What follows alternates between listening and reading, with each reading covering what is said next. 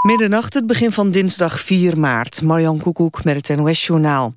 Rusland heeft in totaal 16.000 militairen op de Krim gestationeerd... zegt de Oekraïense ambassadeur bij de Verenigde Naties. De VN-veiligheidsraad houdt voor de derde keer in vier dagen spoedberaad... over de crisis op de Krim. Oekraïne heeft in New York de VN om steun gevraagd... bij het verzet tegen de Russische militaire interventie. De Russische ambassadeur bij de VN zei dat de uitgeweken Oekraïense president Yanukovych Rusland zelf heeft gevraagd om militaire bijstand. Hij liet een kopie van een brief van Yanukovych zien. De Veiligheidsraad kan weinig concrete actie ondernemen in het conflict op de Krim, omdat Rusland over elk voorstel in die richting een veto zal uitspreken. Rusland krijgt tot donderdag de tijd om de spanning rond de Krim te verminderen, anders volgen er gerichte sancties. Daarmee dreigt de Europese Unie. De EU wil dat Moskou zijn militairen terugtrekt in de kazernes. Gebeurt dat niet, dan zal de EU onder meer gesprekken over versoepeling van de visumplicht opschorten. Veertien ziekenhuizen hebben hun sterftecijfers niet op internet gezet. De Nederlandse Zorgautoriteit had 89 ziekenhuizen opgeroepen... de cijfers uiterlijk 1 maart te publiceren. 75 ziekenhuizen hebben dit volgens de NZA gedaan. Ziekenhuizen zijn sinds deze maand verplicht... hun sterftecijfer openbaar te maken en aan de NZA door te geven. Carnaval in een café in Nijmegen is geëindigd in een schietpartij... en ontruiming van de kroeg. Rond 7 uur kreeg de politie een telefoontje dat er bij een ruzie geschoten was in het café aan de Hertogstraat. Niemand werd geraakt, wel liep een cafébezoeker mogelijk bij de ruzie letsel op aan zijn been. Twee mensen zijn aangehouden. De politie onderzoekt nog wat er precies is gebeurd. Dan nog het weer. Vanavond neemt de wind af en klaart het overal op. Vannacht wordt het koud, 3 tot min 5 graden aan de grond. Vanaf morgen zonnige periode en droog. Smiddags is het 9 tot 12 graden. Dit was het NOS Journaal. Radio 1. VPRO. Nooit meer slapen.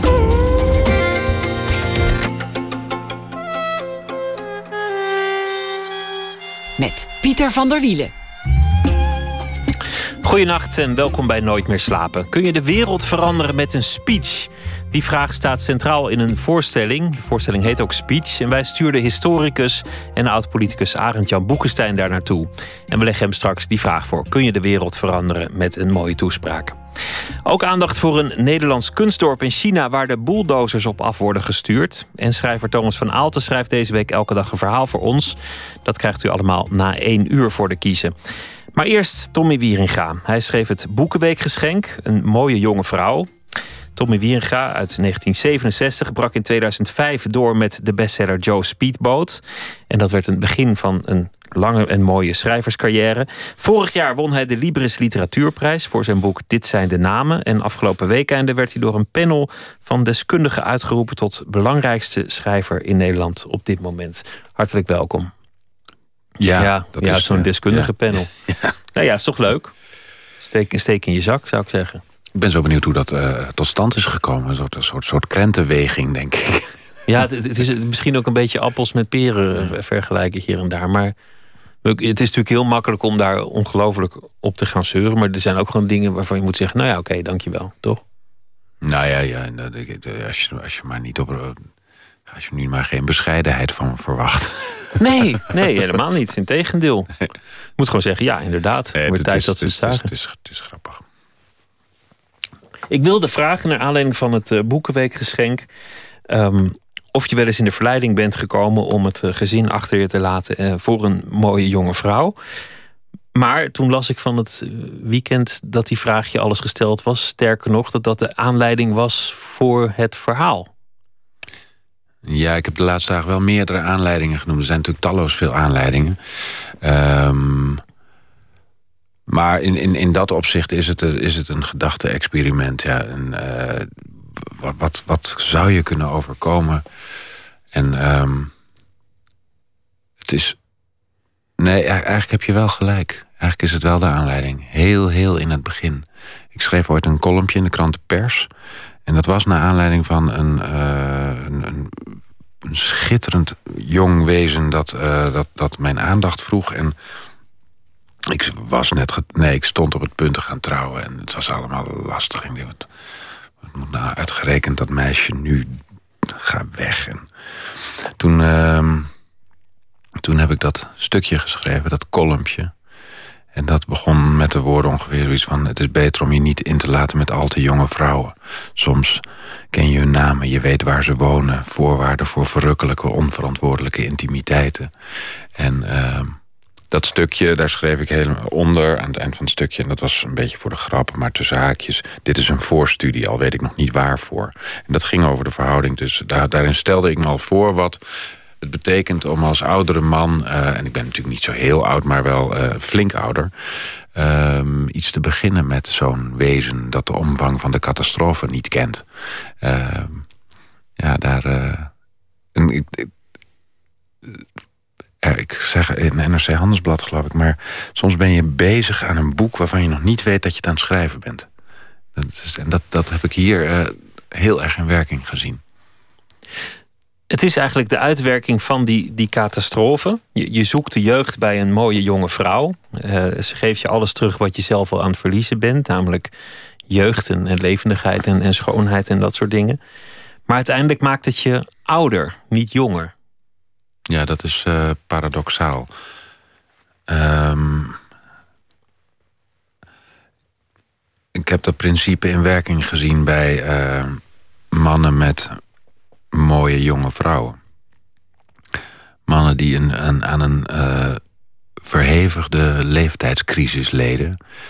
door de voortdurende confrontatie, juist met iets wat, wat ze met trots kan vervullen... of waar ze gelukkig van... Ik bedoel, de, de, de extase van jonge huid op die kreukelige oude huid... is natuurlijk verrukking. Daar, dat, dat, dat, is, dat is met niets te vergelijken. Alleen ja, je moet, je moet stevig in je schoenen staan om dat, uh, om dat te kunnen dragen, die wilde. Je moet um, een, vervuld zijn van, um, ja, misschien van jezelf. Er zijn heel veel schrijvers die, die, die we hier als voorbeeld kunnen nemen. Bijvoorbeeld Mulisch, Klaus, uh, Wolkers. Allemaal mannen met veel jongere vrouwen dan zij. En dat waren allemaal vrouwen die begonnen als minares en eindigden als verzorgster. En die, ik, zou daar, ik, ik zou die wetenschap niet verdragen. Dus ik heb voor mezelf nu onderzocht in 94 pagina's wat er van me zou worden als ik. Als, als je met een jonge vrouw zijn, moet het misgaan? Nee, natuurlijk niet. Het gaat ook heel vaak heel goed, denk ik. En uh, er zijn allerlei redenen om, om zo'n verhouding te beginnen. En uh, ik denk dat die ook heel bevredigend kan zijn en voor beide partijen uh, profijtelijk. Maar de voorbeelden, de directe voorbeelden in mijn omgeving... waar ik over sprak, inderdaad nog zonder te weten... dat ik aan het werk was aan het boek.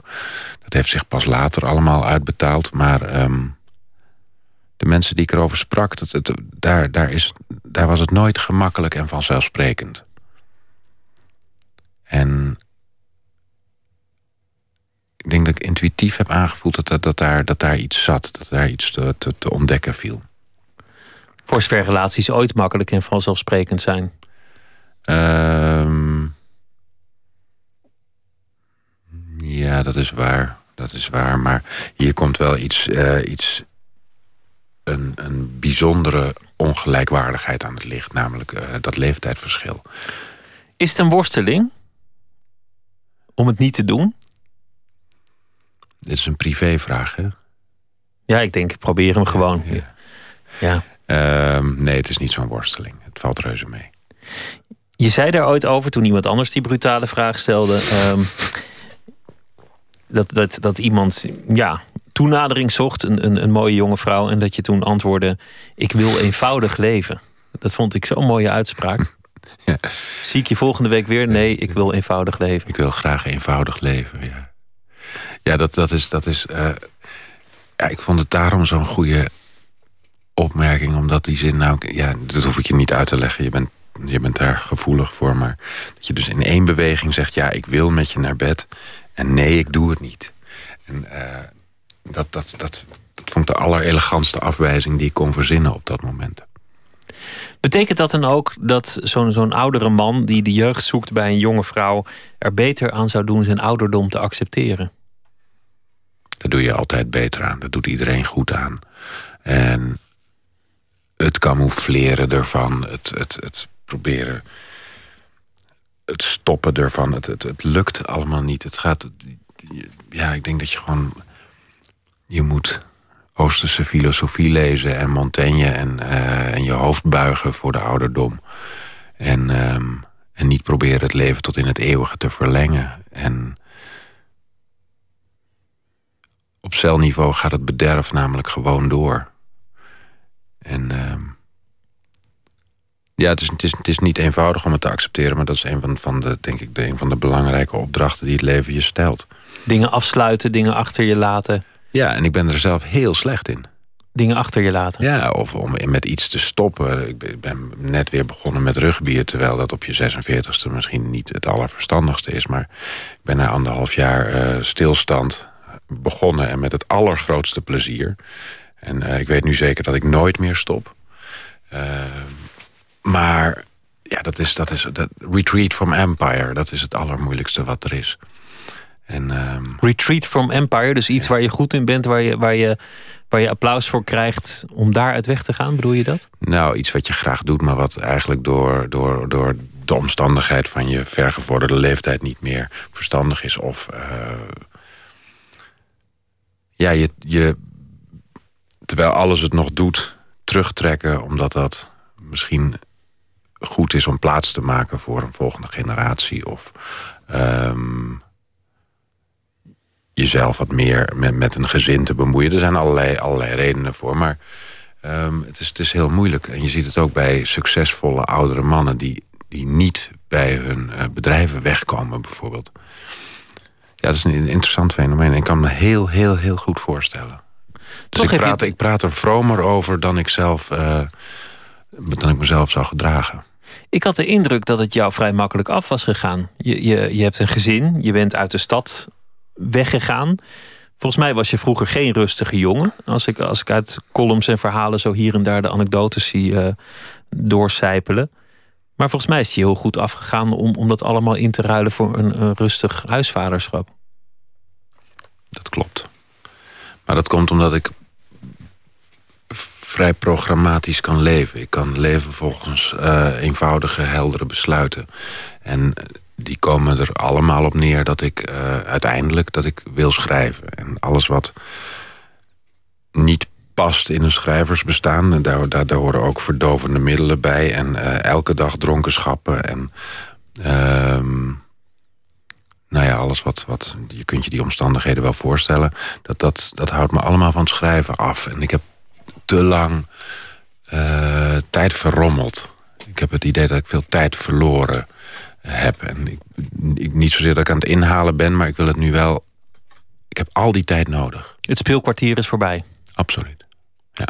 Wat was er van jou geworden als dat schrijven er niet was? Had je dan meer de neiging gehad om te ontsporen? Dan... Je hebt maar één leven om zoiets uit te proberen... maar de kans van ontsporing was wel, was wel aanwezig, ja. En dan, kijk het gaat over vervulling. En ik word totaal vervuld door, dat schrijven, door, het, door het schrijven. Als ik, als ik, ik wil er niet romantisch over doen, maar als ik schrijf, dan, dan, uh, ja, dan, dan, dan hoef ik niet iets anders. Dan is er niks anders wat ik verlang, geloof ik.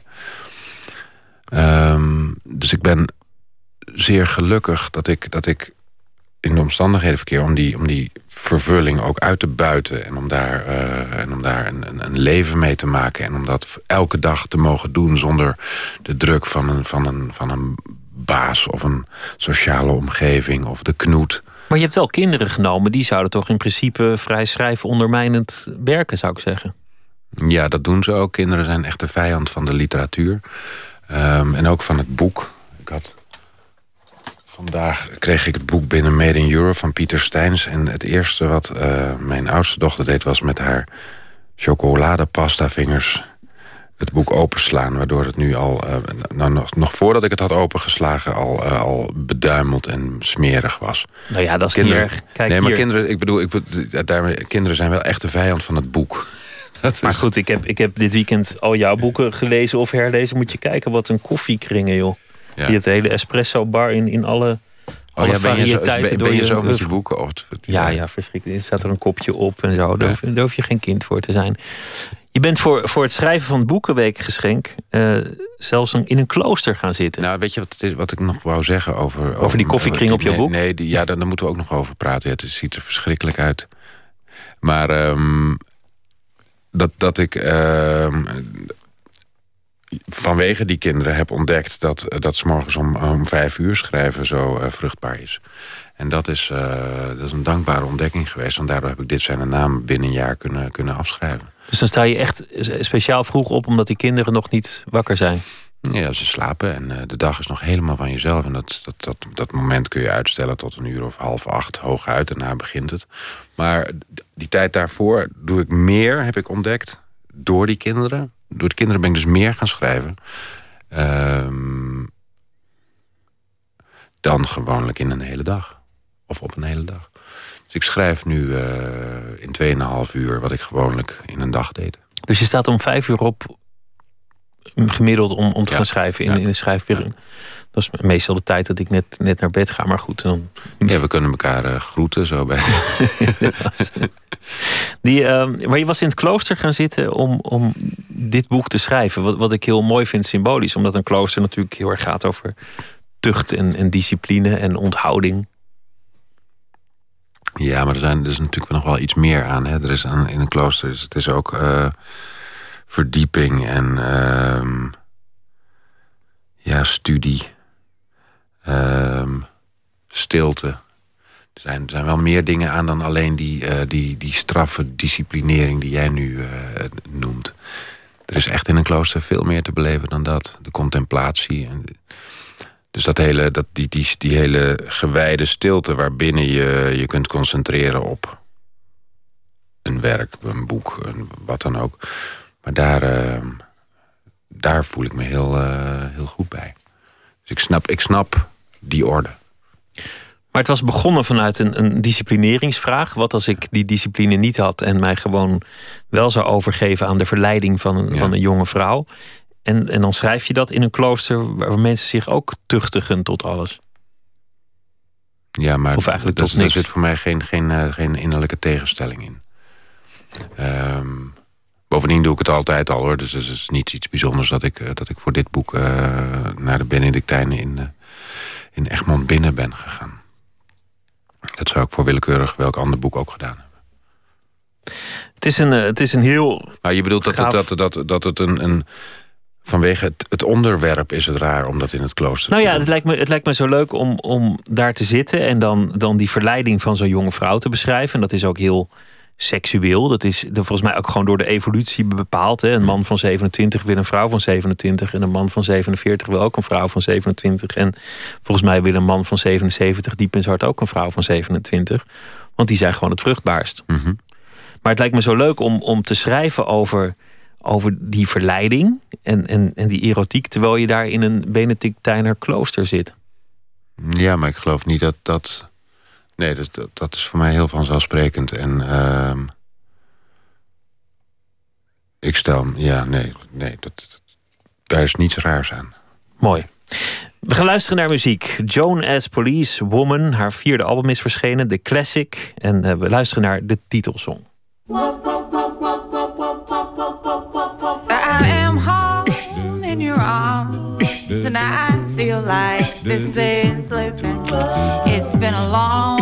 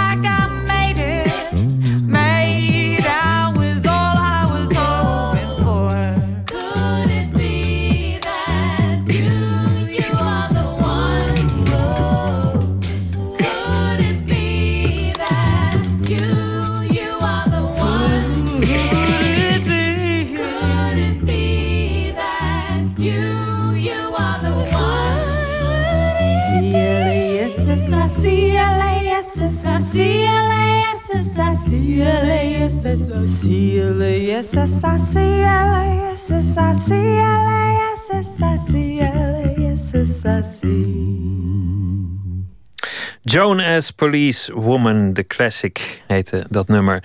Tommy Wierenga is hier. Hij heeft het eh, Boekenweekgeschenk geschreven. Een mooie jonge vrouw. Oké, je moet dus niet eh, je, je laten verleiden door een mooie jonge vrouw bij voorkeur. Nou ja, dat is moet. Ik moet het ook niet een- moralistisch, hè? Ja, Ik heb geen programma geschreven. Ik heb niet, Nee. niet een... Niet een eh, Opiniestuk geschreven. Nee, nee.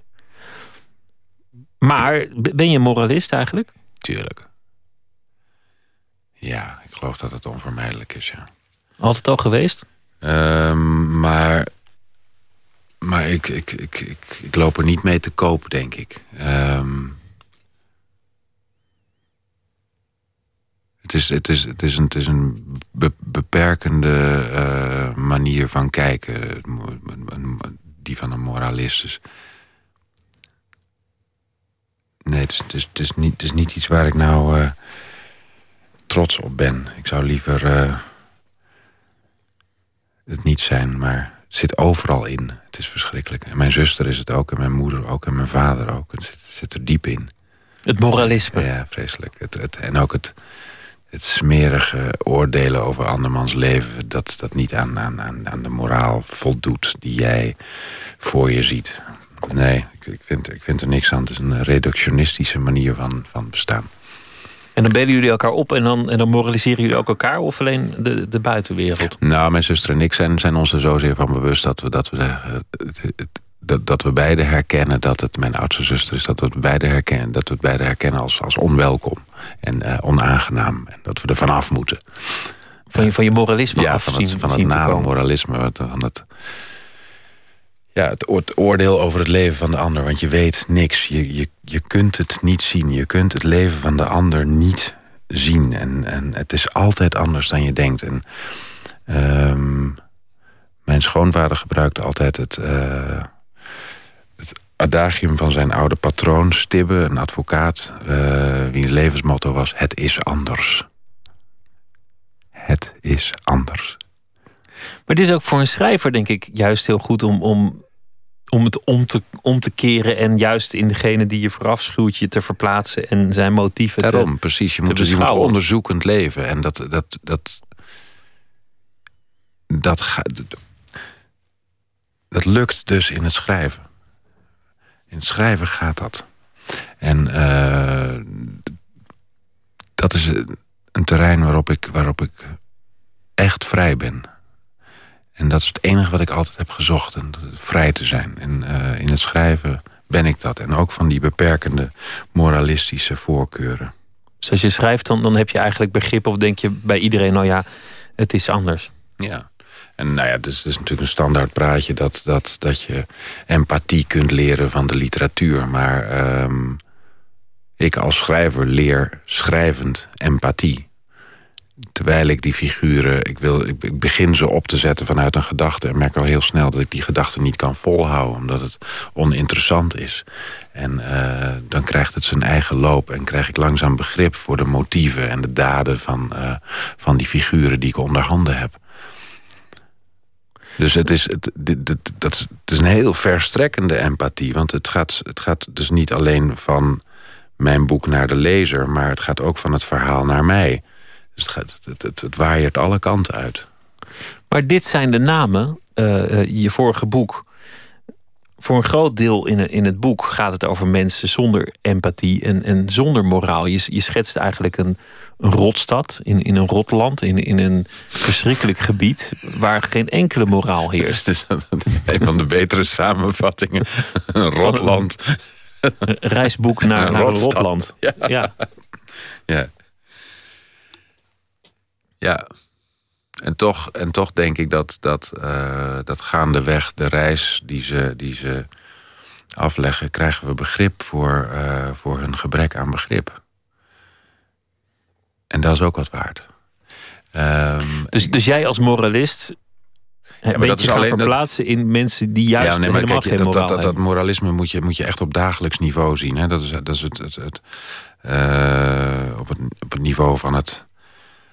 Van, voor acht, in de auto wordt alles zo pijnlijk zichtbaar. Wordt er zichtbaar wie je eigenlijk bent als je achter het stuur zit. Mijn gekanker als er iemand door rood rijdt. Dat soort dingen. Weet je? Het, is, het, is, het is echt op gebruiksniveau. Ehm, dat die samenleving, en dan, dan helemaal als agenten het doen... en dat, dat zie je nogal eens gebeuren... maar dan, dan gaat de samenleving toch wel heel rap naar de verdommenis. Het is dat soort gekanker, dat soort middelbare mannengekanker. Daar, dat, dat, Dat is ook wel gewoon lekker om dat af en toe te doen. toch? ja, maar ik, ik- het wordt pijnlijk zichtbaar wie je eigenlijk bent achter het stuur. Die, die, dat, dat rotland zonder die moraal. ehm, het, nieuws wordt nu beheerst door, door Oekraïne. We hoeven dat niet helemaal te analyseren. Maar net dat boek gelezen en, en dan al dat nieuws over Oekraïne. meende ik een soort verband te zien. Omdat eigenlijk een heel groot deel van de wereld. eh, misschien hebben de mensen wel een moraal. Maar, maar de moraal is niet geïnstitutionaliseerd. Nee. Is niet de norm. Het gesprek, eh, het uur hiervoor bij, eh, bij het Oog op Morgen met Jacco Pekelder... ging daarover ehm, geen rechtsstaat. Er is daar niet, niet een functionerende rechtsstaat. Het, eh, de corruptie is eh, vreselijk. Ik reed daar rond eh, in een autootje met een gids door Oekraïne... op zoek naar steppen en, en ervaringen die ik, die ik misschien zou kunnen gebruiken... Voor, voor het boek Dit zijn de namen. En toen kwam op de radio het nieuws dat de voormalige minister van Transport dood was gevonden in zijn dacia. En hij had zich, zei de nieuwslezeres, en hij vertaalde dat terwijl ik naast hem zat. eh, de minister had zich, zei de nieuwslezeres, twee keer door het achterhoofd geschoten. Dat is knap. Dat is knap. Eh, dat, dat, eh, dat soort nieuws. Dus je kijkt naar een, naar een, naar een wild, eh, onaangepast land. En ik was over de steppen onderweg met. toen had ik paarden gehuurd en een paar kozakken gevraagd om mij de steppen te laten zien en me te laten ervaren wat dat nou betekende om daar te zijn. En, eh, ik wilde daar allemaal ervaringen op doen. Eh, hoe klinkt het, hoe ruikt het? En toen hadden we het over Europa. Ik had met, en dat was met, ehm, met een man die op een witte merrie zat, die Natasha heette. Zijn naam was Zhenya. En Zhenya vertelde dat ze graag bij Europa wilde horen. Europa, want kijk, als de Kozak die wil niet bij Rusland horen, die wil bij Europa horen. En ik zei, ja, maar met Europa komt wel een soort eh, hygiënisch voorschrift mee... dat zich over tal van levensterreinen uitstrekt. Nou, dat, dat, dat, dat zal allemaal wel. Er is nog nooit iemand geweest die dit land een soort stabiele orde heeft weten op te leggen. Maar het gaat ons om de voordelen van de andere voordelen van Europa. En ehm, ja, als ik, als ik nu naar de, naar de onttakeling van dat, eh, van dat land kijk, dan, eh, dan denk ik vaak aan Zhenya ja, en, en hoe het hem vergaat. Want hij woont in dat ehm, bij, eh, in de buurt van Dnepropetrovsk. En dat is dat wel het gebied dat op nominatie staat... om als eh, volgende te worden ingenomen door de Russen. Jij gaat er naartoe als schrijver niet zozeer om, om je helemaal te verdiepen in de politieke situatie of, of om op die manier inspiratie op te doen voor, voor het boek. Maar zoals je zegt, ik wil weten hoe hoe het klinkt, hoe het, hoe het ruikt. Ja, nou ja, en ook voor al die andere. Dat, daar, daar, met die vragen ga ik op reis. Maar tegelijkertijd ben ik natuurlijk. Sta, ik op opnemen, sta ik wijd open voor alle an- andere invloeden en indrukken die, eh, die ik maar kan opdoen daar.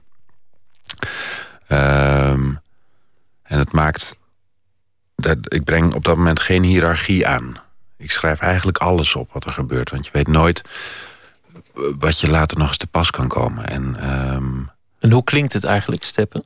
het kraakt. Kraakt. Het kraakt onder je voeten. En ik was er in de zomer.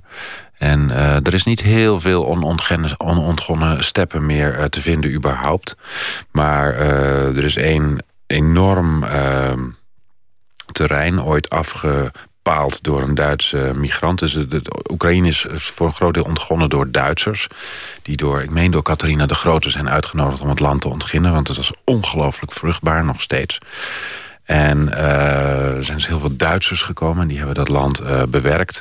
Er was één man en die heeft een eh, reservaat gemaakt.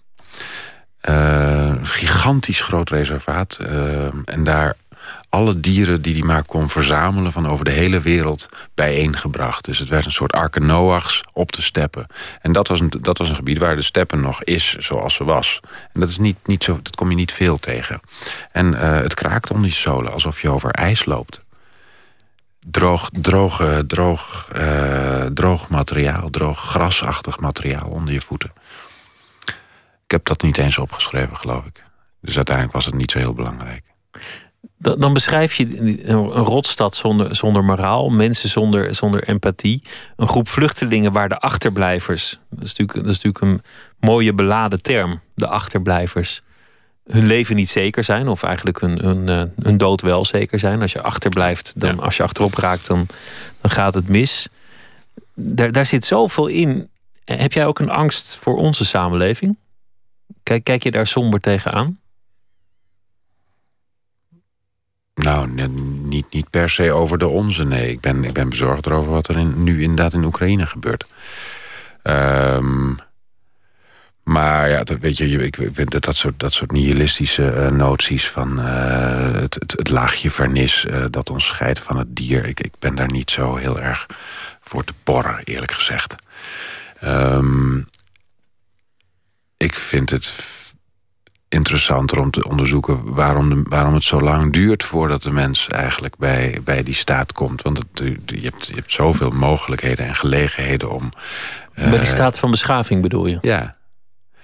Ja, ik vind dat, dat, dat over het algemeen hier... Ja, ik ben best onder de indruk van, van wat mensen nog aan eh, zelfbeheersing weten op te brengen.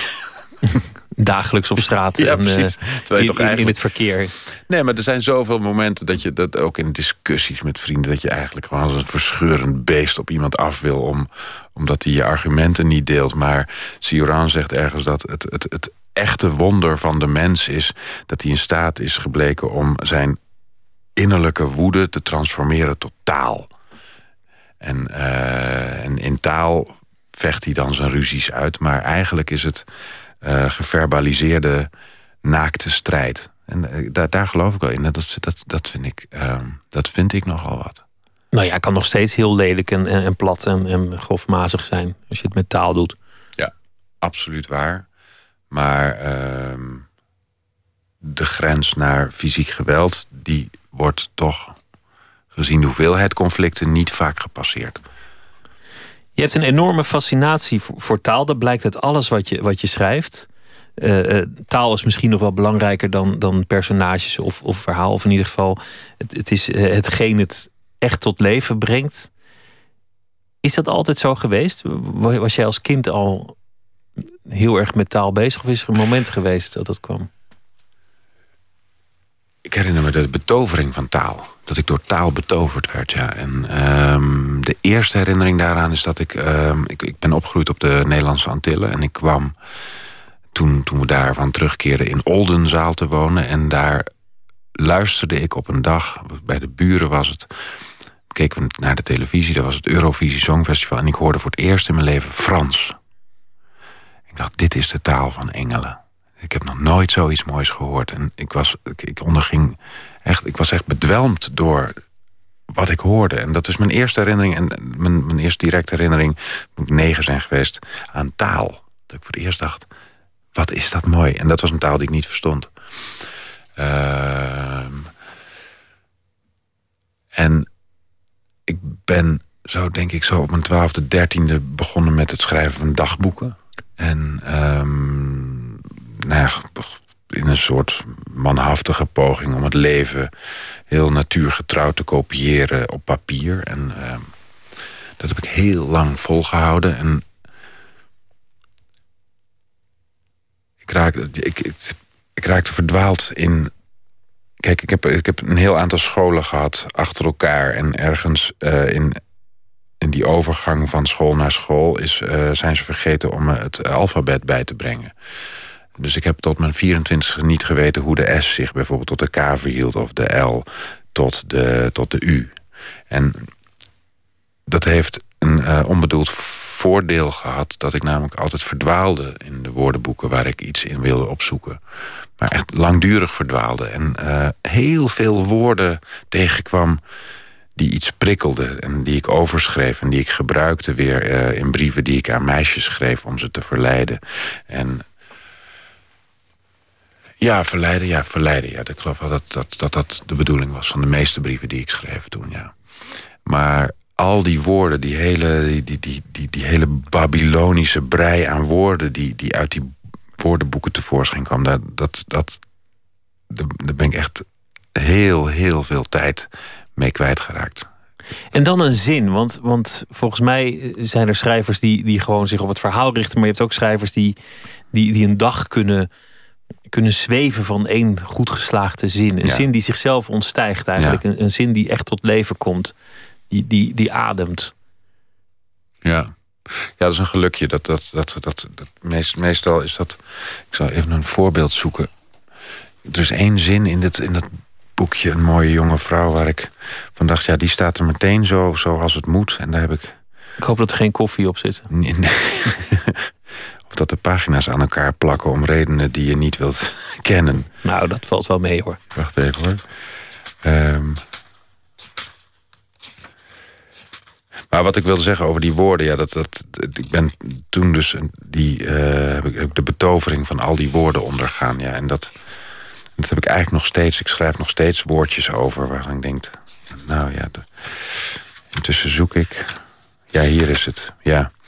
Ehm, dit is hij, eh, Edward Landauer, dat is de, de, de, hoofdfiguur van het boek die op een dag op een terras zit in Utrecht... en een meisje ziet langs fietsen dat later zijn, eh, zijn echtgenote zal worden... maar nu kent hij er nog niet. En het ging om deze zin. Ik zal hem zo meteen uitlichten. Wat hem ontbrak, realiseerde hij zich toen er op een dag... een meisje langs het terras fietste waar hij koffie dronk. Dit is de zin, nu komt hij. Lang nadat ze in de menigte was verdwenen en de steek van begeerte was weggeëpt, ervoer hij ook iets nieuws. Een scherp gemis van iemand die hij nog niet kende, ver voorbij de stormen van de verliefdheid en de hachelijke jaren van het huwelijk, alsof hij vanuit de ouderdom terugkeek op een liefde die abrupt was afgebroken, wat hem een vermoeden gaf van de rijkwijde van zijn vermogen tot liefhebben. Daar eindigt hij en dan gaat het zo verder. Het behoorde tot de momenten die hij nooit zou vergeten. Het beeld van het meisje op haar fiets droeg alles in zich, als het DNA van de micro-organismen die hij uit de hele wereld kreeg opgestuurd, maar was niettemin onmeetbaar licht, een glanzende luchtbel die stil door de tijd zweefde en die hij willekeurig waar en wanneer kon oproepen. En deze, deze alinea bevalt me als geheel, maar die ene zin, Dat is een parel van een zin, toch? Die had, ja, maar weet je, het punt is, hij is niet per se mooi of zo. Maar er staat iets in wat ik, wat ik eh, waarvan ik een vermoeden had, maar wat ik nog, wat, pas in het schrijven kon ik, kon ik het vermoeden eh, staven. door taal, door hem op te schrijven. En, en, dus dan- dan stijgt die zin eigenlijk boven zoiets- jouzelf uit. Ja, dat zoiets lukt is heel zeldzaam. Want meestal is het toch geploeter. En dit, dit, ik herinner me het geluk van. Het was, was, was in, de, in de zomer vorig jaar. Het geluk dat die, toen die zin daar eenmaal stond. En ja, die, volgens mij is daar niets mis mee met die zin. En dat is. Dat is eh, tenminste, ik heb er ook niet, niet, niets aan veranderd. Je zei net dat je vaak van school was gewisseld, waardoor je het alfabet misliep. Ehm, dat was een, een katholieke jongensschool waar je op hebt gezeten. Je hebt, je hebt bij de antroposofen gezeten. Dat Ja. is al een, een vrij grote. Van het ene gebed naar het andere, ja. Ja, en dan eh, haalde je net eh, Montaigne aan. Filosofie is leren sterven. En de Oosterse filosofen. eh, heb je ook in verdiept. Je hebt, je hebt ook in, in andere korte verhalen daar wel eens aan gerefereerd. En dan uiteindelijk gaat het over die vraag: ja, hoe, hoe moet je oud worden? Hoe doe je dat op, op een goede manier? Misschien is een mooie jonge vrouw niet de oplossing. Ik bedoel, het kan, het kan leuk zijn, het kan niet leuk zijn, maar het is niet de oplossing voor je ouderdom. Het gaat natuurlijk uiteindelijk, ik bedoel, de, de, de, een mooie jonge vrouw is een vehikel. Het gaat over de omgang met begeerte. En daar, eh, daar heb ik als eerder een essay over geschreven. Toen, ik ben een tijdje gastschrijver geweest in eh, Delft. Ehm, nu heet het Writer in Residence, geloof ik. Of nee, ik weet, het heet nu in elk geval, het is nu op zijn Engels. Wat best jammer is, gastschrijver was prima. Maar ehm, Arno Groenberg was het jaar voor mij geweest... en die had eh, de, de techniek van het lijden bedacht als thema. Ehm, en ik dacht toen door tijd... maar het lijden gaat wel iets voor, vooraf en dat is begeerte. Dus ik heb eh, mijn collegereeks de dynamica van begeerte genoemd. En, ehm, en ja, begeerte onderzocht. En, en hoe we ons verhouden tot begeerte. En hoe begeerte het lijden eigenlijk voortdurend tevoorschijn brengt. En Omdat begeerte zo hoe- snel nou, kan gaan. En, en, en hoe mensen eigenlijk zich niet bewust zijn... in hoeverre hun keuzes worden gestuurd door begeerte... en dus de consequenties van die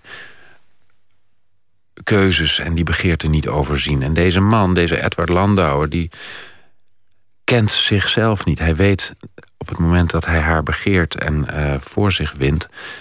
niet dat hij niet in staat is om dat eh, elegant te dragen. Die weelde. Dus het begint met zelfkennis. Nou ja, dat weten we al heel lang.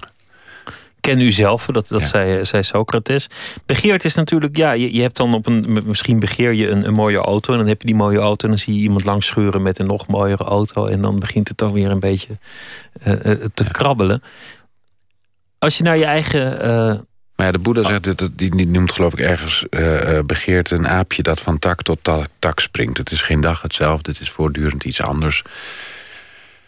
Ehm, dus toen ik tegen die mevrouw zei in het café... eh, twee jaar geleden of zo... mevrouw, ik wil graag eenvoudig leven... ehm, ging dat daar ook over. Ik wil niet als een aapje leven. Niet van tak tot tak springen, maar... eh, als een luiaard langzaam verteren en niet. eh, ja, niet zo verspreid leven, want dat komt ervan, geloof ik.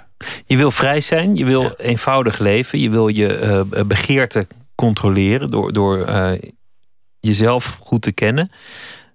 Nu bijvoorbeeld schrijf je zo'n zo'n boek als dit, wat, wat volgens mij in 1 miljoen exemplaren wordt, wordt gedrukt of zo. Hoeveel, Mm. Eh, 700.000. 700.000. Nou ja, dat is, dat is, een, dat is een gigantisch eh, getal. Je hebt, je hebt eh, twee reusachtige bestsellers gehad, maar die, die kwamen niet in de buurt van, van zo'n getal. Lukt het jou om, om als schrijver volledig vrij te zijn alsof het je eerste boek was? Alsof, die hele buitenwereld niet bestaat als jij in het klooster zit en daar geen moment aan te denken? Want dat, dat lijkt me echt moeilijk om dat helemaal los te laten en gewoon vrij te zijn in je schrijven. Dat, dat, dat is ook heel moeilijk. Eh, het meeste wat. een roman begint vanuit. Ja, een, een, een oorspronkelijke fascinatie voor iets, of een belangstelling voor een onderwerp, of, of, of een figuur, of een beginzin. Of... En daarna ga je dat dus uitwerken. Maar, en dat doe je allemaal voor jezelf. Maar hier ligt er een vraag aan ten grondslag. En ehm, een opdracht. Maak binnen drie maanden iets van 29.000 woorden groot. ehm, eind augustus klaar. En dat, dat, geeft het al het, het- een beetje de nare smaak van broodschrijverij als je dan begint. Van eh, opdrachtwerk, half soort journalistiek. Journalistiek is niks mis, alleen ja, het is mijn genre niet. Ehm, dus het duurde een tijd voordat ik, voordat ik mezelf daarbij vandaan geschreven had. Ik denk dat het wel een week of drie, vier duurde voordat ik het gevoel had dat ik echt goed aan het schrijven was. Dat ik me vrijgeschreven had van die, eh, van die nare wetenschap... dat er inderdaad zo'n eh god mogelijk aantal van, eh, van gedrukt zou worden. Want ook dat, je, gewoonlijk ben je ook niet... Er is nog helemaal geen publiek. Maar hier weet je al van dat er een publiek is. Dus dat zijn noties die je, die je zo snel mogelijk moet zien uit te schakelen. Als je het hebt over begeerte in, in jouw schrijversloopbaan, zeg maar de afgelopen tien jaar. Het is bijna onvoorstelbaar hoeveel hoogtepunten zich achter elkaar hebben, hebben voldaan. Ja, dat, dat, dat, dat is zo. Ehm,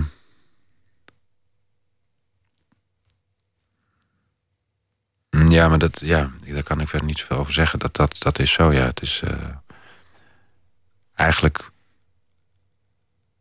Dit is, dit is, dit is wel, wel een, een, een, toch wel een... Het is een beetje flauw om te zeggen, maar een jongensdroom.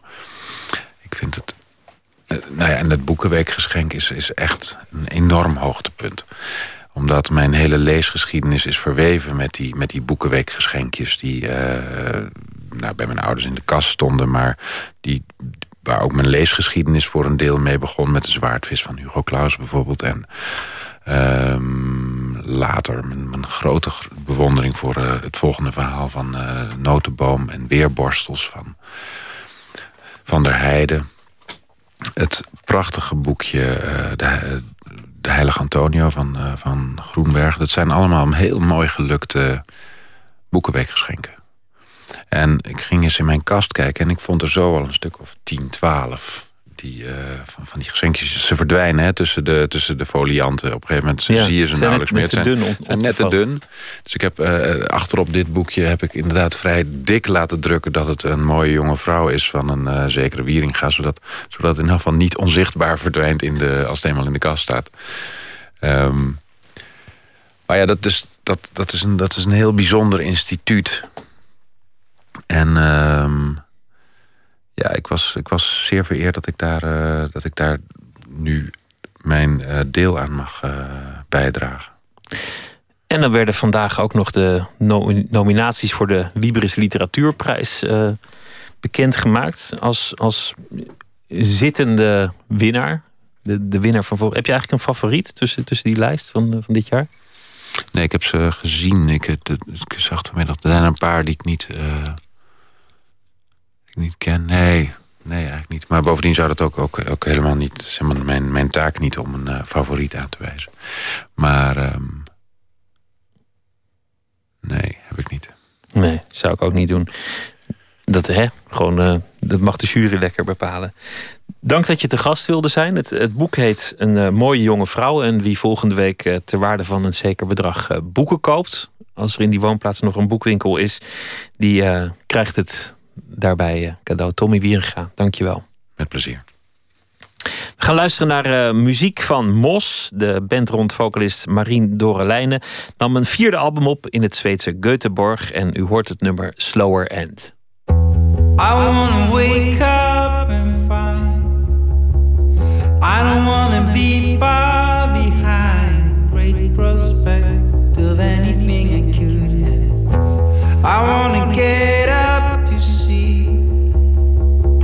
what you mean in my life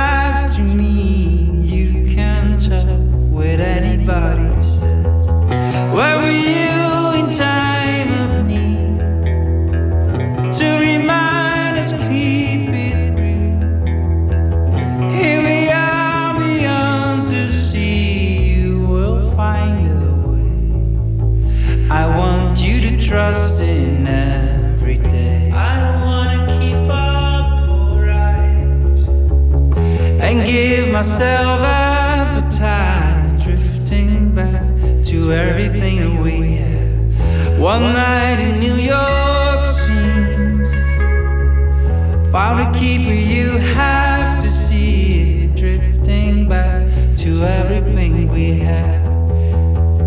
Where were you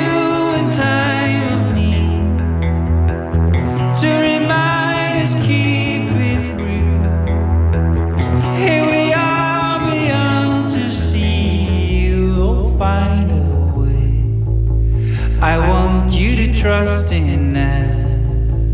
I want you to trust in every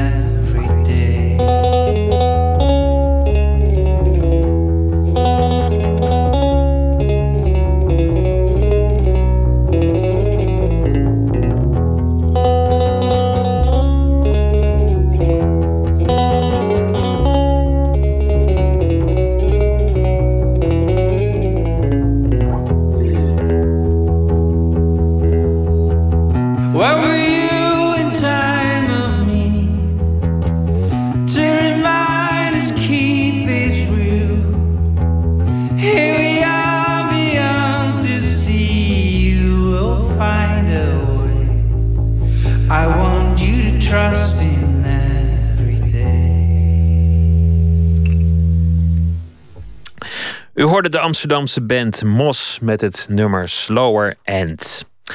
De nazi's roofden tijdens de Tweede Wereldoorlog goud uit Nederland. De nationale goudvoorraad van de Nederlandse bank moest het flink ontgelden. En alle Nederlanders moesten hun gouden munten en juwelen inleveren. Deze geschiedenis is de basis van de thriller Fout Goud. En de schrijver van het boek is Roel Jansen. In Nooit meer slapen vertelt hij in vier delen over de goudroof. Vandaag het eerste deel, de nationale inzameling van het goud.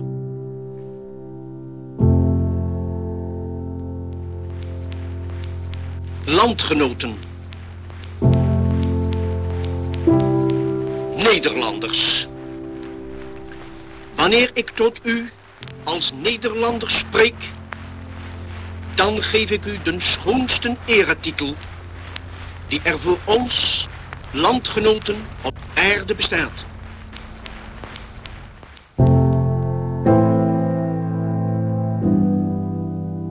Je hoort hier eh, meester K. Frederiks, de secretaris-generaal van het ministerie van Binnenlandse Zaken, in de zomer van 1940. De Duitsers zijn binnengevallen. Het leger heeft na vijf, da- vijf dagen de strijd opgegeven. Ko- Koningin Wilhelmina en de leden van het kabinet zijn naar Engeland gevlucht. En het bestuur van Nederland is overgenomen door de Duitsers en door de zittende secretaris-generaal nog op de ministeries in Den Haag.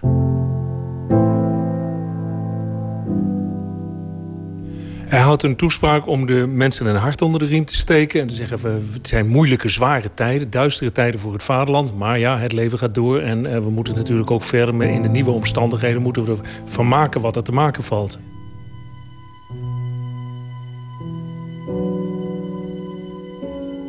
Nou, een van de organisaties die onmiddellijk onder Duits gezag werd gesteld, dat was de Nederlandse Bank. Die ging natuurlijk over het geld, gulden en het goud dat nog in de kluizen van de Nederlandse Bank lag. Nou was het wel zo dat de eh, Nederlandse Bank al in de aanloop naar de Tweede Wereldoorlog had voorzien, dit kan wel eens helemaal misgaan in Europa. En ze waren zo verstandig geweest om een grote hoeveelheid van het goud, het goud van de Nederlandse Bank, in het buitenland in veiligheid te brengen.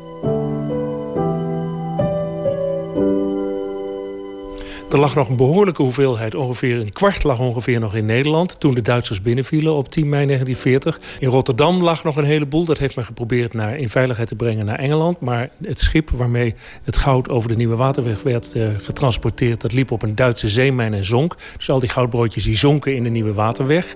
Aan de andere kant het goud dat nog in Amsterdam lag... dat heeft men via IJmuiden wel in veiligheid weten te brengen. Maar het eind van het verhaal was dat er toen Nederland capituleerde... toch nog iets van 20% van de Nederlandse goudvoorraad... ruim eh, 100.000 kilo lag nog in de kluizen van de Nederlandse bank.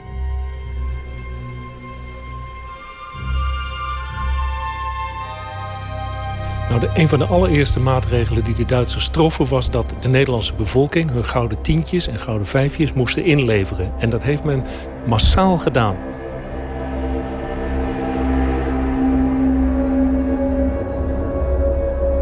Dat kwam ook omdat die, eh, die bestuurders in Den Haag opriepen om dat te doen. Er kwam een oproep van levert u allemaal uw goud in, want dat is goed voor het vaderland.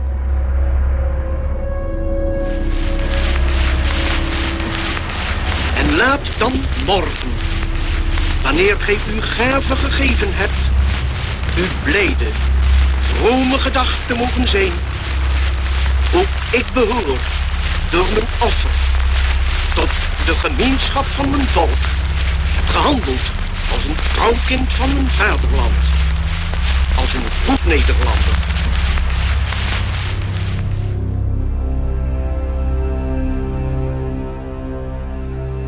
Ja, vervolgens wat de Duitsers deden was een brief sturen en zeggen... wilt u al dat goud maar naar Berlijn sturen? Want dat hebben we nodig voor het vierjarenplan. En het vierjarenplan is eigenlijk het programma van Hermann Geuring... voor de Duitse bewapeningsindustrie. Dus de Nederlandse gouden tientjes die onze opa's en oma's hebben ingeleverd... die werden in, vanaf oktober 1940 tot eh, februari, maart 41... massaal afgevoerd naar de Rijksbank in Berlijn. En daar werden ze omgesmolten. En vervolgens werd het goud gebruikt om inkopen te doen... waarmee de oorlogsindustrie van Duitsland werd gefinancierd.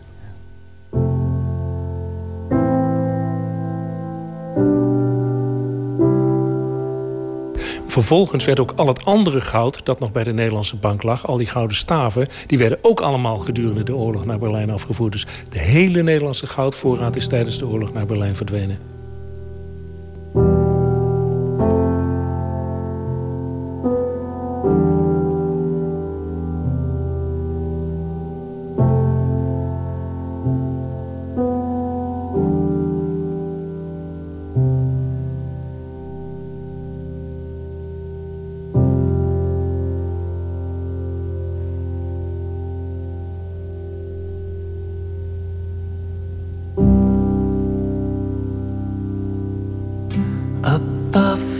Traffic noise and fights.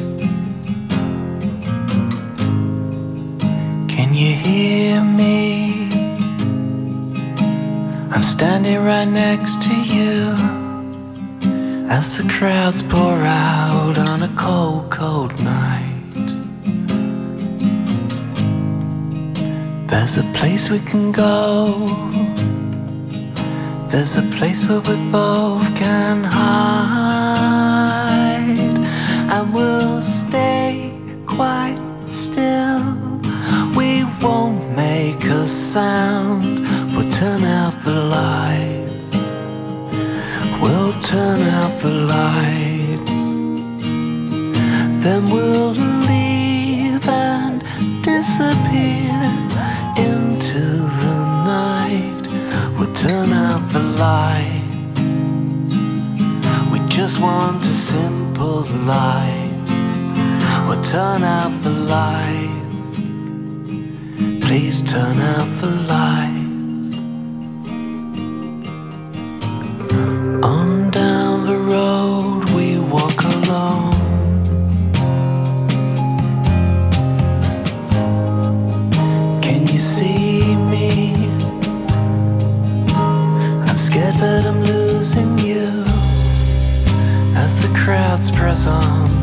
Cold, cold night.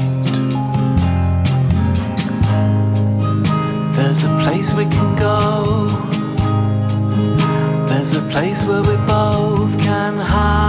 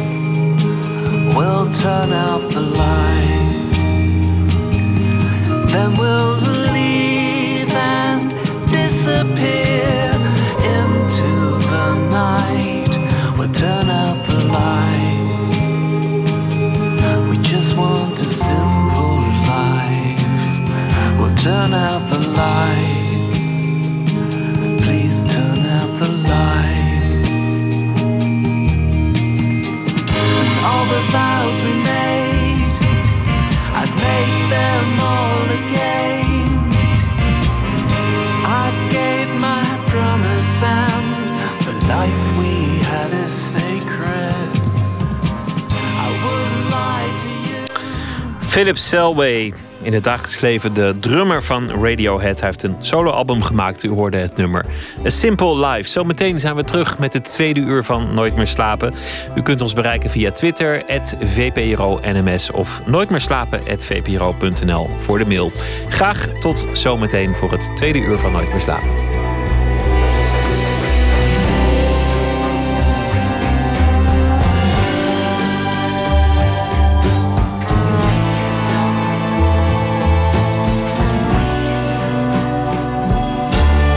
Radio 1.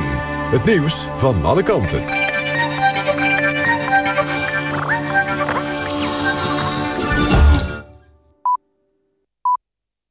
1 uur, Marjan Koekoek met het NOS-journaal. Rusland heeft in ruim een week tijd 16.000 militairen naar de Krim gestuurd... zegt de Oekraïense ambassadeur bij de Verenigde Naties. De VN-veiligheidsraad houdt voor de derde keer in vier dagen spoedberaad... over de crisis op de Krim. Oekraïne heeft de Veiligheidsraad om steun gevraagd... bij het verzet tegen de Russische militaire interventie. De Russische ambassadeur bij de VN zei dat de uitgeweken Oekraïense president Yanukovych... Rusland zelf heeft gevraagd om militaire bijstand. Hij liet een kopie van een brief van Yanukovych zien. De Veiligheidsraad kan weinig concrete actie ondernemen in het conflict op de Krim... omdat Rusland over elk voorstel in die richting een veto zal uitspreken. Minister Dijsselbloem gelooft niet dat gaslevering in gevaar komt... door de Oekraïns-Russische crisis. Hij wijst erop dat Nederland niet volledig afhankelijk is van het Russische gas. Omdat de relatie met Rusland te maken heeft met energieleveranties... is in het belang van Nederland om met oplossingen te komen. Dat zei hij wel. De strijd in de Centraal-Afrikaanse Republiek moet beëindigd worden door een VN-vredesmacht met 10.000 militairen en ruim 1800 politieagenten. Dat schrijft VN-secretaris-generaal Ban Ki-moon in een rapport.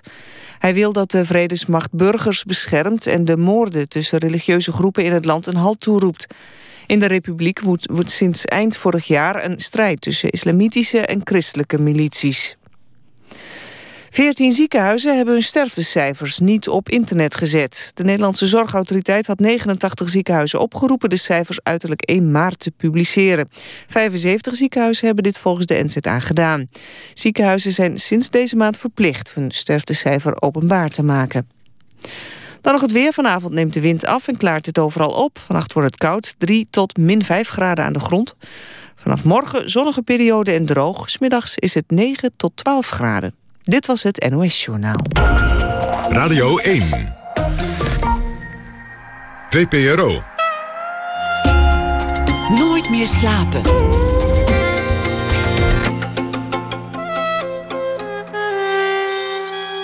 Met Pieter van der Wielen.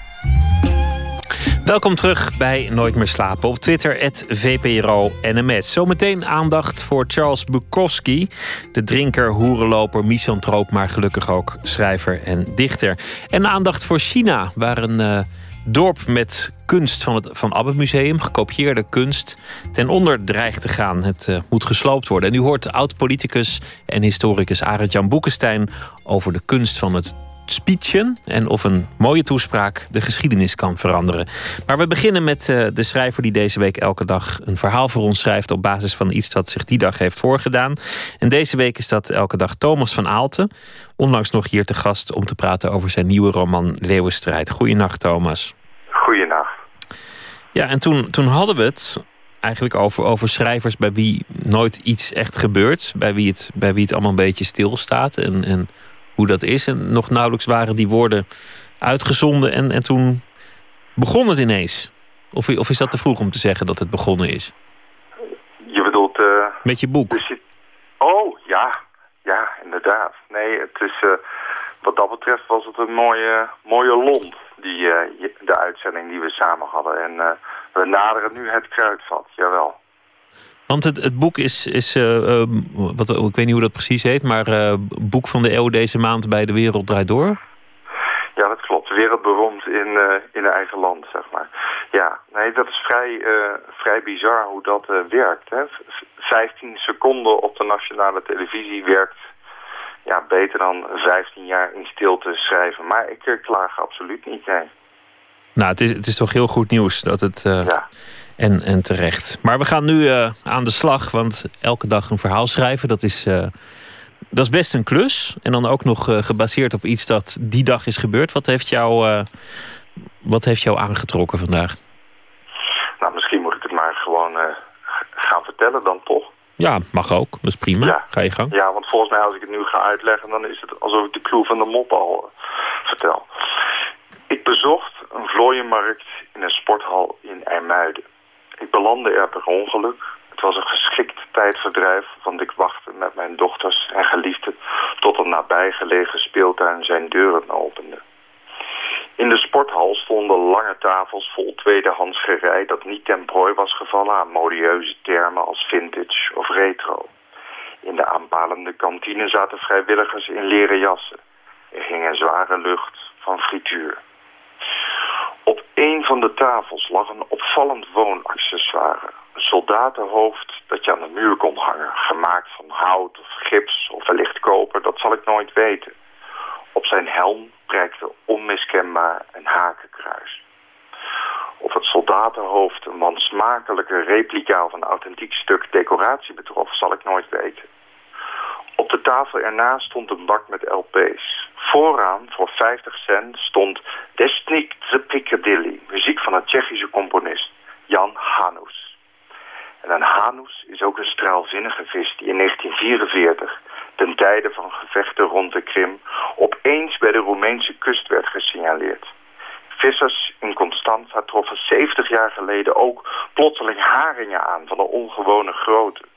De gevechten rond de Zwarte Zee tussen het 17e leger van de Wehrmacht en het Rode leger hadden volgens wetenschappers visverhuizingen veroorzaakt. De potentiële koper van het soldatenhoofd belde even met een expert en zei nadien tegen de verkoper... Vijf euro, meer mag ik er niet voor geven. Het werden er zeven. Het soldatenhoofd verdween in een plastic tas. Overal is een markt voor. Ja, overal is een markt voor, inderdaad. En zo eh, heb, heb je toch inderdaad Oekraïne er nog, nog in eh, verwerkt. En, en de Krim. Dat, dat is toch wel, toch wel het Nou ja, nieuws van de laatste dagen. Ja.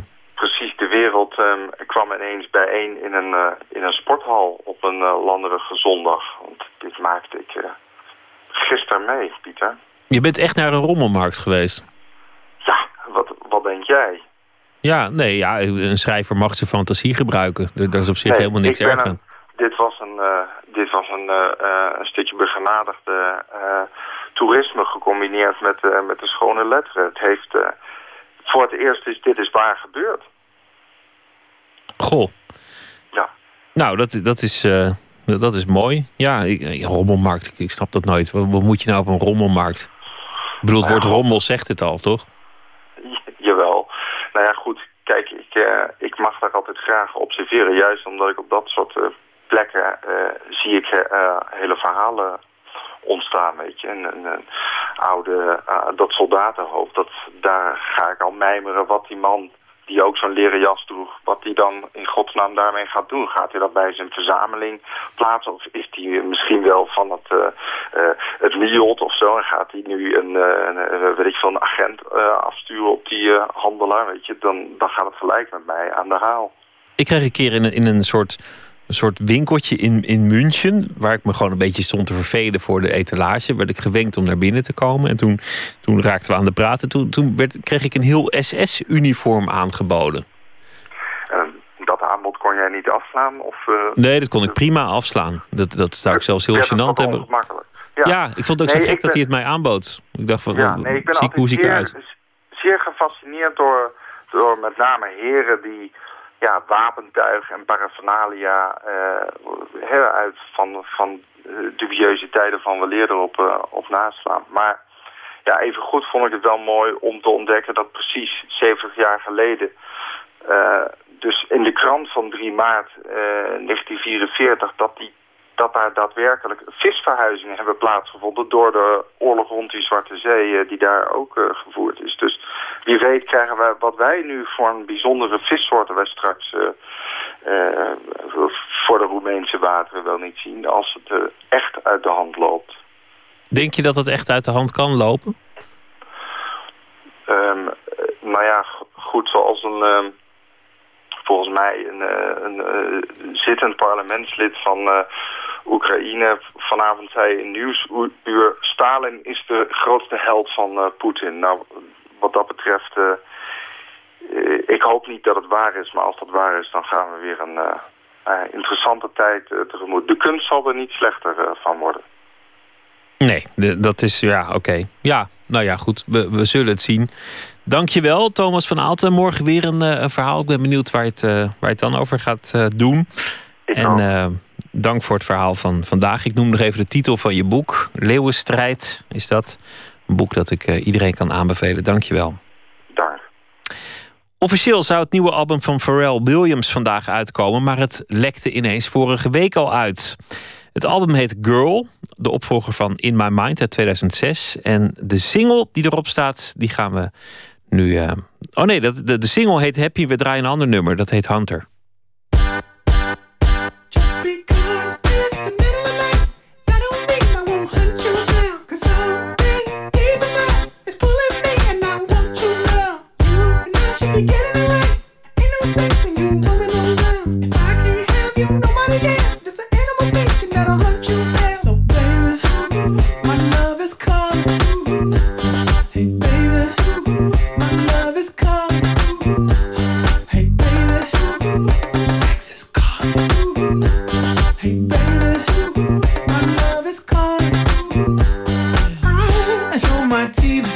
And I hope you know that look in my eye.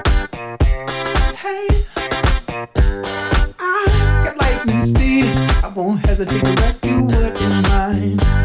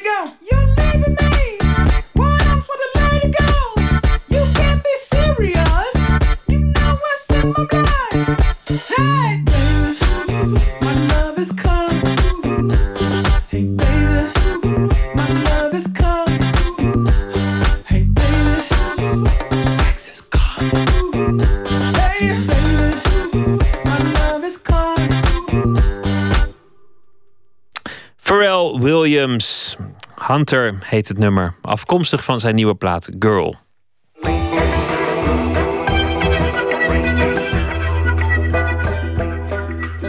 U luistert naar de VPRO op Radio 1 Nooit meer slapen. Hoe verander je de wereld met een speech? Die vraag legt theatermaakster Sanja Mitrovic voor aan haar publiek in de voorstelling Speak. Met behulp van speeches van onder andere Obama, Churchill, Hitler, Thatcher, Hitler, sorry, Hitler, Thatcher, nou ja, goed. Belangrijke historische eh, toespraken.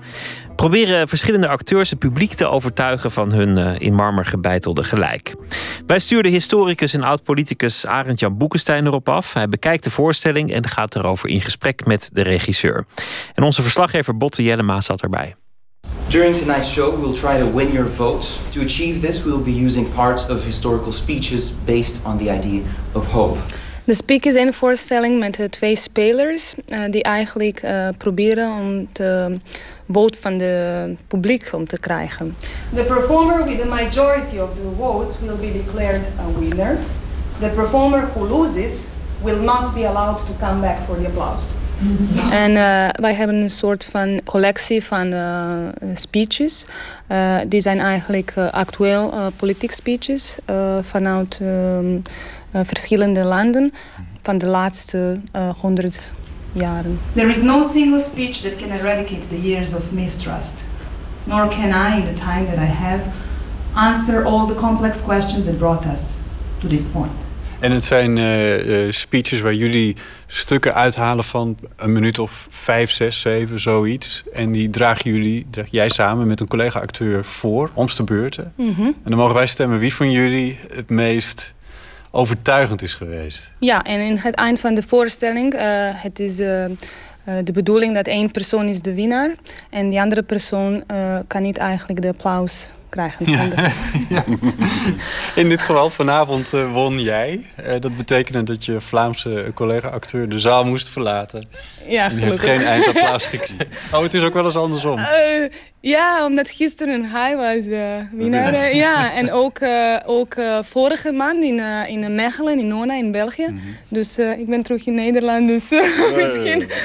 Some of us who already started to break the silence of the night have found that calling to speak is often a vocation of agony. But we must speak. Adrian Boekenstein, we hebben u gevraagd om even mee te komen... en deze voorstelling te bekijken. Herkende u de speeches? Zoals Ja, die- zeker, zeker. Maar mijn vraag is eigenlijk van... Kijk, sommige van die speeches zijn natuurlijk beter dan de andere. Hè? En welke dan? Ik Nou, ben bijvoorbeeld, benieuwd. Ik, vind- ik, vind, ik vind die Saddam Hussein speeches verschrikkelijk. Ik vind die Mugabe speech ook verschrikkelijk. Dat komt ook een beetje omdat ik die mensen vrij verschrikkelijk vind. hè. Maar dat moet toch ook het, het stemgedrag van mensen beïnvloeden. De kwaliteit van de speech, ja, toch? En ook de manier eh, hoe de speech eigenlijk eh performed is, eh, gespeeld is. Ja. En wat, wat, wat zijn de ehm, vormen of tools of, eh, of eh, mimics? We krijgen er natuurlijk niet bij te horen... als je de speeches uitspreekt, van wie ze zijn. Dat weten we pas nadat jullie ze hebben uitgesproken. Ja. Ja, maar je kunt natuurlijk wel, als je die speeches een beetje kent... en sommige kende ik wel, Ja. dan kan je dat wel herleiden. Ik vind zelf bijvoorbeeld...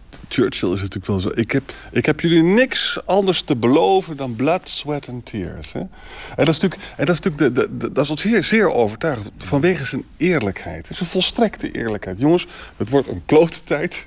Maar we moeten er doorheen. Toch? Mhm. Ja, en dit is belangrijk, denk ik, als eh, iemand weet welke speech eh, is.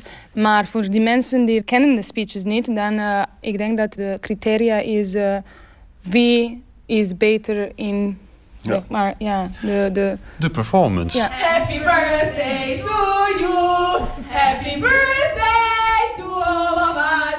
Happy birthday to you. En dat vind ik razend interessant. Dan gaat het over welke argumenten worden erin gezet. En het valt mij op dat niet zelden dat totale drogredeneringen Ja, zijn. ja. waarbij ook over, altijd over, over menselijkheid, hè, humanity. En eh, we moeten offers brengen, want het gaat uiteindelijk om de mensheid vooruit te brengen. Ontzettende lege clichés. Hè? Lege clichés. Ja. Ja, en het is, ja, het is, het is zo, omdat eh, een goede speech is... eh, kijk, ik, ik, ik, ik, ik kan zeggen wij en we can en eh, eh, samen. Die zijn de belangrijkste woorden. Maar eh, de punten of, of echte concrete ehm, oplossingen zijn niet in de speeches. Die zijn heel abstract. Ja. Idealen, altijd idealen. Hè? En ook een beetje, zo- de Grieken hebben het al bedacht, hè, er moet pathos, er moet emotie in... en er moeten principes in en er moet logos in en ga zo maar door.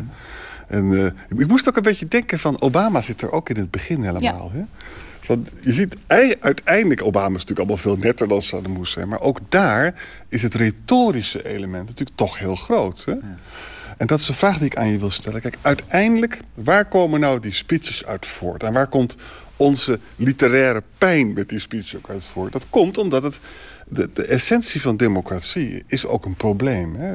Namelijk de vulgarization. Hè? Dus het, het, met andere woorden, wat de Tocqueville in de 19e eeuw ook zijn. Als we dan een democratie gaan maken, dan krijgen we dus ook jingoïsme. En dan ga ik bijvoorbeeld zeggen van... eh, we moeten de Falkland, we moeten de Falkland-eiland beschermen. Jingoïsme? Dat betekent dus oorlogszucht. Hè? En, dan kan je, en dat kan je bij mensen dus ook oproepen, dat gevoel. Hè? En dan word je dus samen als het ware gek. Dus, dus democratie zelf, dat iets intrinsieks goeds is... heeft ook iets heel engs. Want je maakt dus gebruik van allerlei onderbuikgevoelens van mensen. Ja. Ja. Op, opruien. Ja. Ja. Ja. Ja, je knikt, je bent het helemaal mee eens. Ja, I agree. if we want to spread the word, if we want the truth to be known, and if we want it understood. We should not tire by those who believe arguments must not be repeated. I am not talking nonsense here. I am speaking about arguments. I'm speaking of reason. It is impossible to ignore the facts. It must be repeated once, ten times, a hundred times, a thousand times, a million times. Er was er eentje, waarvan ik niet weet van wie die is... en dat zou ik aan je willen vragen. Die was echt verschrikkelijk. Die zei in het begin van... niemand heeft zoveel voor het land gedaan als ik. Ik heb er alles aan gedaan. En ik mag het ook van jullie dus vragen. En toen dacht ik zelf, dat is heel raar... want dat, dat is nogal een beetje onbeleefd om dat zo te zeggen... als je soldaten de oorlog instuurt die doodgaat... terwijl de dictator zelf blijft leven. hè? Ah, dat is de speech van Hitler. Ja, zie je wel. zie je wel. Maar, maar eh, Matthew heeft dat zo zacht gespeeld. Dat Matthew, dat is je collega, je acteur. Ja, die andere eh, acteur. Dat het publiek wil nooit denken dat, ja, dat dat Hitler is. Hij was zo geniaal omdat hij dacht dat eh, in, eh, in de retorica dat hij moet echt eh, op dezelfde op the same level, op dezelfde lager als, als die andere mensen zijn. Dus hij moet eigenlijk zeggen, ik ben een van jullie. En ik, ik heb zoveel gedaan en jij kan dat ook. Ja, ja. Hitler hield speeches van twee, drie uur. Waarbij gewoon duizenden mensen totaal gebiologeerd waren. En als we er nu naar kijken, denk ik, wat een onzin allemaal. Maar die- dit was echt massapsychose. Het is heel eng hoor. hè? Laten we het even over, nog over de vorm hebben. Want er zit één... Jullie hebben, spelen acht rondes, eh, Mhm. waarin, waarna we elke keer mogen stemmen. Eén ronde zit erin waarin jullie eh, niet de tekst hardop uitspreken... maar, eh, maar het binnen jezelf houden. We lezen boven een, een soort eh, boventiteling wel wat er gebeurt. Dat was heel leuk. Maar jullie mimen het alleen. Mhm. Ja.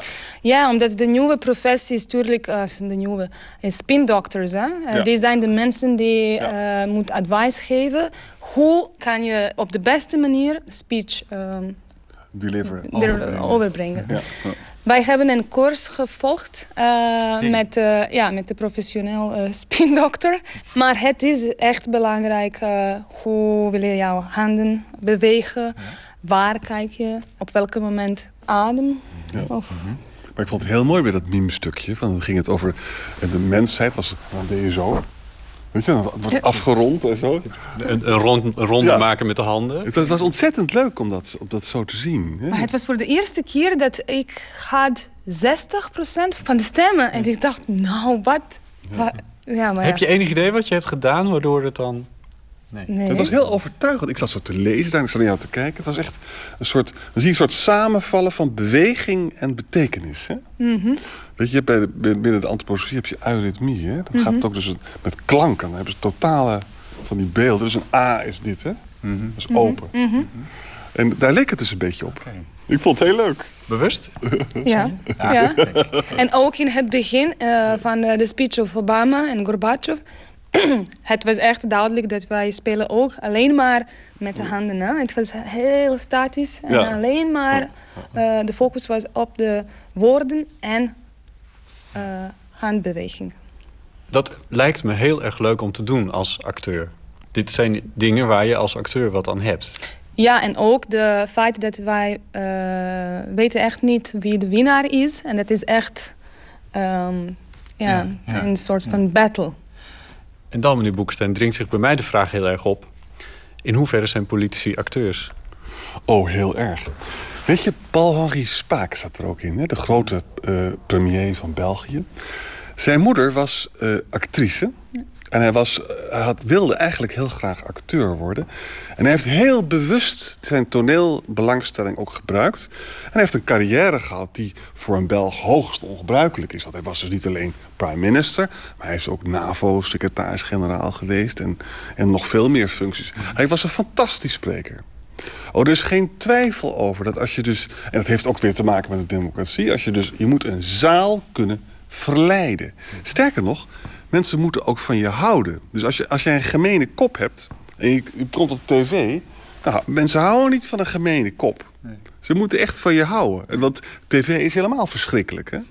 Maar je moet ook met je stem kunnen spelen. Je moet, je moet, dus al, het is heel veel toneel. Sanja is erg aan het knikken ondertussen. Maar, maar dat, dat is ook een grote verandering uh, met, uh, met de introduction of the media en tv. Hè? Uh, dat de focus is niet meer alleen maar op de stem, maar ook hoe. Ja. En, en ja, dus some speakers are better in speaking and some speakers are better in the way they appear. Yeah. So if you have the same debate over radio and over TV, it could be that somebody, if you just listen, Yeah. you would vote for for that person. But if you see that person on the TV, he would uh, Bedoel, seem to het first klassieke Nixon and uh, Nixon Kennedy. Kennedy, ja. Was, dat werd zowel op de tv uitgezonden als op de radio. Op de radio had Nixon met straatlengte gewonnen. Op de televisie was het zo dat Kennedy was bruin. En Nixon zag er ontzettend bleek uit. En het was dus Kennedy won toen. Ja. dat, is, overigens, dat zet je wel aan het denken hoor. Dus tv is, de beelden zijn dus sterker dan woorden. Dat moet dus toch conclusie zijn. Dus als de beelden niet goed zijn, dan heb je een probleem. Jegens de vooruitgang en jegens het Nederlands volk, die nodig heeft een regering bestand tegen de stromen des tijds en geschikt om met eigen aandrang datgene tot stand te brengen wat het volk billijkerwijs verlangt. Daaraan plegen wij verraad als wij zeggen, omdat we zo bang zijn dat er wel eens geweld zou kunnen komen, kruipen wij tenslotte in onze schulp en laten wij een historisch moment voorbij gaan. Bij, bijvoorbeeld Reagan was ook uh, een acteur. Een acteur, nota bene. Ja, ja. en hij heeft gezegd dat uh, op het moment dat hij moet speechen, uh, dat hij denkt dat hij is in een movie, in een film. Reagan is ook een fantastisch voorbeeld. En ook van die zinnetjes, die kan je gewoon niet bedenken. En dan zegt hij wel dit. Over abortus gaat het dan. Je weet, in Nederland zijn we daar heel erg voor. In Amerika zijn mensen heel erg aarzelend daarover. En hij zegt dan zo'n zinnetje van... Het valt me altijd op als, als mensen over abortus spreken... dat ze zelf altijd wel al geboren zijn. Mm -hmm. Weet je wel? En dat is natuurlijk ontzettend leuk. Of nog veel erger. Totale retoriek. Ja, ja maar, maar moet je luisteren. Hij wordt neergeschoten. Reagan wordt op straat neergeschoten. Ze rapen hem bloedend op. Ze brengen hem naar het ziekenhuis toe. Vanaf het bed zegt hij tegen de nurses, tegen de verplegers... I hope you're all Republican. nou ja, dat je humor kan hebben in die situatie... dat is toch gewoon ongelooflijk. er zijn veel meer voorbeelden. Weet je dat mensen die serieus de politiek in willen in Amerika en elders zitten al deze speeches te bestuderen en lezen van die dikke Amerikaanse boeken van hoe je een speech moet doen en er zijn allemaal weer nieuwe. Weet je nog die speechschrijver van Obama die het zo goed deed? Ben zijn naam even kwijt, Faveux of zoiets. Hè? En die is dus nu heeft hem nu verlaten en die man is miljonair geworden. Want die, die reist over de wereld. Ik geloof over- dat hij in Nederland komt ook. Ja, hij komt dan. Dus met andere woorden, dat is dus een heel fascinerend eh, beroep. Wel met een eng kantje. Want het is natuurlijk wel zo. Kijk, politiek... wat je wil laten zien is ja, ja. ja, politiek gaat over overtuiging. Hè? Overtuigen. Overtuigen is iets anders dan de waarheid zeggen. Want overtuigen betekent ook dat je soms de, de waarheid een beetje economisch behandelt. Als je begrijpt wat ik bedoel. Huh? Het heeft ook met manipulatie te maken.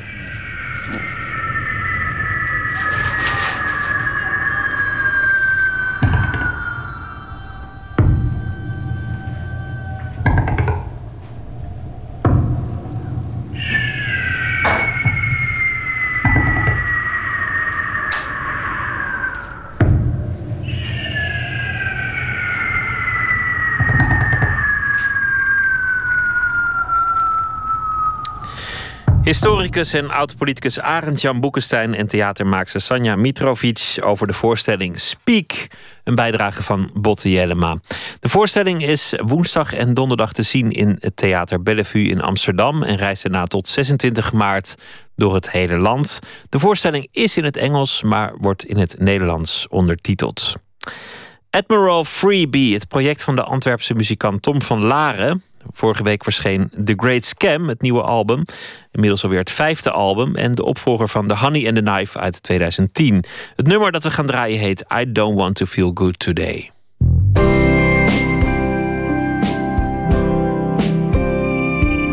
Doesn't look like the sun will shine today. But I wasn't in the mood to feel good not on this road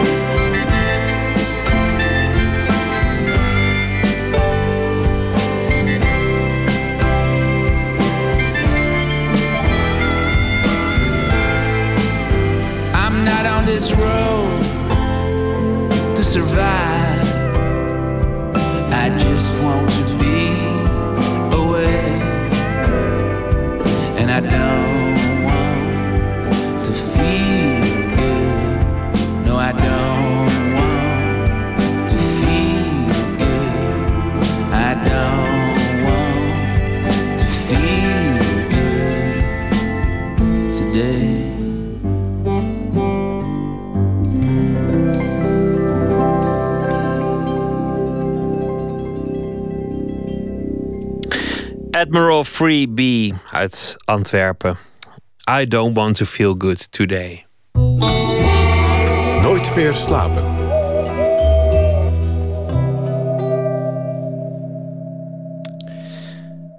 We kijken over de grens. Elke maandagnacht eh, dinsdagochtend bellen we correspondenten uit Australië, Verenigde Staten, Brazilië, India om te vragen wat er daarvoor bijzondere verhalen te vertellen zijn op cultureel gebied. Marije Vlaskamp zit in eh, China. Vanuit Beijing doet zij verslag voor RTL Trouw en nu dus ook voor de VPRO. Goedemorgen voor jou. Het is daar zeven uur 's ochtends. Ehm, het is bij mij al half negen. Half negen inmiddels. Oh, ik, ik, Ja, de ik- dag is al begonnen. Oh, ik keek net op mijn iPhone, die heeft zo'n functie, maar dan, dan eh, staat die kennelijk eh, verkeerde, verkeerde Chinese tijd afgesteld. Maakt niet uit. Of de zomer-wintertijd kan van alles zijn. eh. Ja, nou, goedemorgen dus. Ehm, we wilden het hebben over de Chinese kunstenaar Li Mu. Die had eh, de Nederlandse kranten gehaald eh, alweer een poosje terug. Omdat hij hele stukken van het Van Abbe Museum wilde kopiëren. En in zijn geboortedorp in China weer opnieuw wilde optuigen. Hoe is dat verhaal verder gegaan? Ja, Limoux heeft dat gedaan. Eh, hij staat nu weer in alle kunstbladen hier. Vandaar dat ik dacht, eh, dit wil ik aan je vertellen. Omdat eh, ja, het project eigenlijk aan het afronden is. Hij heeft inderdaad een flink aantal kunstwerken, onder meer van Andy Warhol, hè, die Mao-posters en minimalistische objecten van Sol Wit heeft hij gekopieerd en op grote schaal door zijn dorp verspreid. Hij heeft bijvoorbeeld ja, een soort van structuur van Sol de Wit heeft hij 15 kopieën van gemaakt en aan de dorpelingen gegeven. Eh, dat deed hij omdat hij wilde zien wat er dan zou gebeuren. Hij had een hekel aan zijn dorp gekregen. Hij was als eh, ja, echte kunstenaar in een grote stad gaan wonen. En elke keer als hij terugkwam dacht hij, ja, Ah, die dorpelingen zijn vrijwel achterlijk. Eh, ze hebben ook helemaal geen cultuur. Dat, ze begrijpen ook niet wat ik doe. Ik wilde iets in veranderen in die, die stroeve relatie tussen mij en mijn geboortedorp. Ik ga die kunst daar naartoe brengen en dan kijken wat er gebeurt. Nou, er is heel veel gebeurd. We kunnen het daar zo nog wat meer over hebben. Maar waarom het nu in de belangstelling staat, is dat uh, de hoofdweg, waar heel veel van die kunstwerken zijn uh, neergezet en opgehangen, gesloopt gaat worden. Dus de kunst verdwijnt weer langzaam uit het dorp. Maar het, het museum, het Van Abbe Museum, heeft ook meegewerkt aan het project. Wat eigenlijk opmerkelijk is, want het is een gek verzoek. Ik wil jullie kunst kopiëren en, en namaken.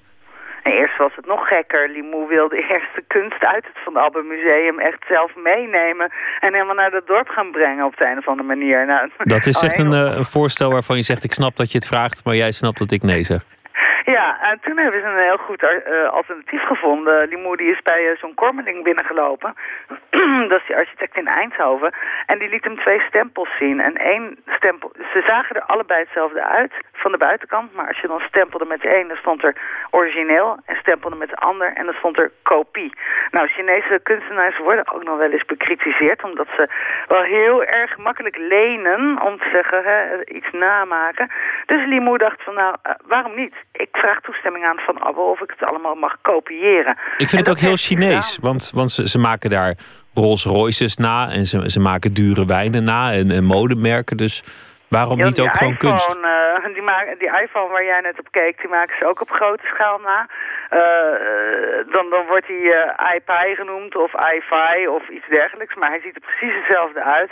Uh, dat is een, cultureel trekje van de Chinezen. Het heet uh, nu Shanzai, uh, kopiëren en gebruiken. Maar er is hier in de cultuur zoiets van beter goed nagemaakt, beter goed gejat, dan zelf iets, iets middelmatigs uitgevonden. Dus dat, dat verschijnsel wilde hij ook een beetje op de hak nemen met zijn project. Maar het belangrijkste was, hij is zogenaamd een procesgeoriënteerde kunstenaar.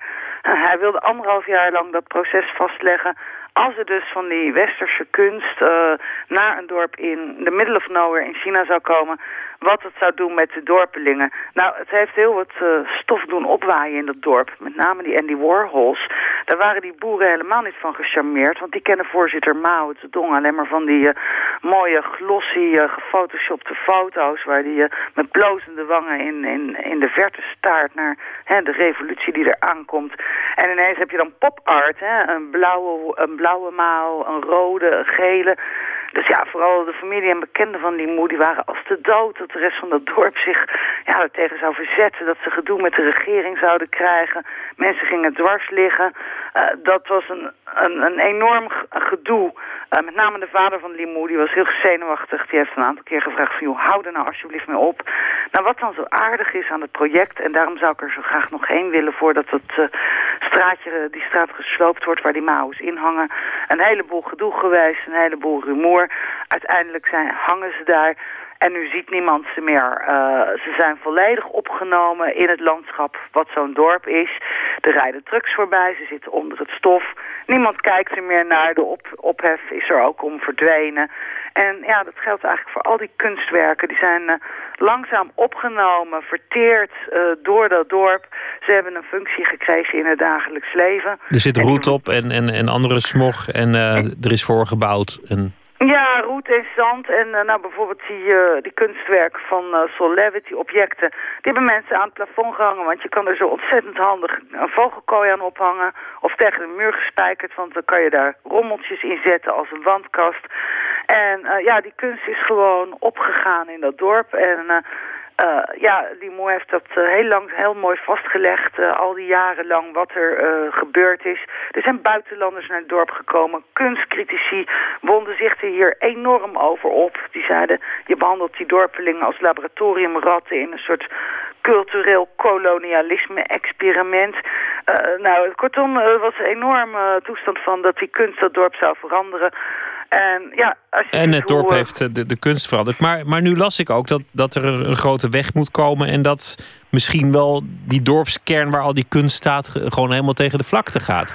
Nou, niet misschien wel. Uh, die gaat gewoon tegen de vlakte. Dat is eigenlijk het uh, ja, natuurlijk einde van zo'n organisch proces met zo'n kunstproject. Wat er in het dorpje Zhejiang, uh, waar het om gaat, gebeurt. Dat gebeurt in honderden, duizenden dorpen in China Opeens moet er een weg komen. Dat is net aangekondigd. Eh, nou, die gaat er ook dan heel snel komen.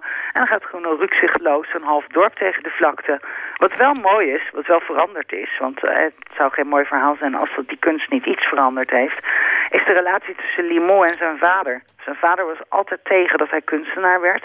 Eh, vond dit, wat ik net al zei, een verschrikkelijk project met die Mao's. eh, was, was de dood ervoor. En die man is eh, zo onder de indruk geraakt van wat zijn zoon nou eigenlijk doet... dat hij heeft gezegd van nou, wat we kunnen redden... bijvoorbeeld een kunstbibliotheekje wat Limo heeft laten bouwen... wat andere kunst.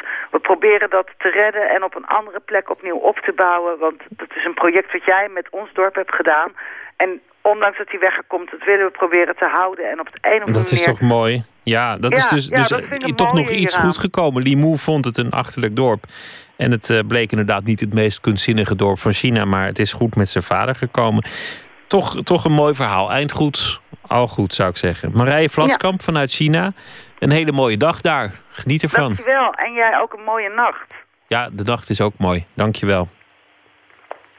We gaan eh, luisteren naar eh, muziek.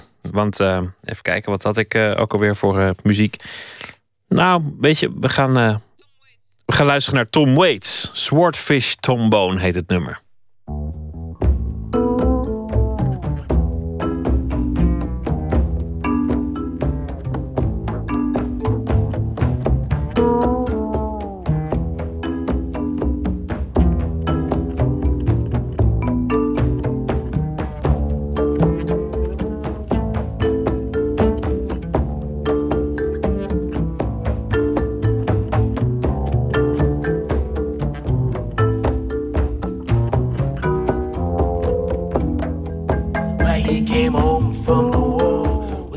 In his head, a modified program to fill, and a pair of legs that opened up like butterfly wings, and a mad dog who wouldn't sit still. The wedding took up with a Salvation Army band girl, played dirty water from a swordfish trombone.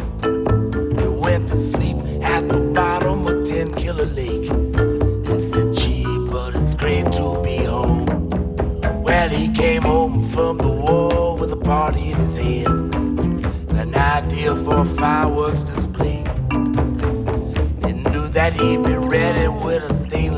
machete and half a pound of Valentine's each day. That they hold up in a room above a hardware store, crying nothing there but Hollywood tears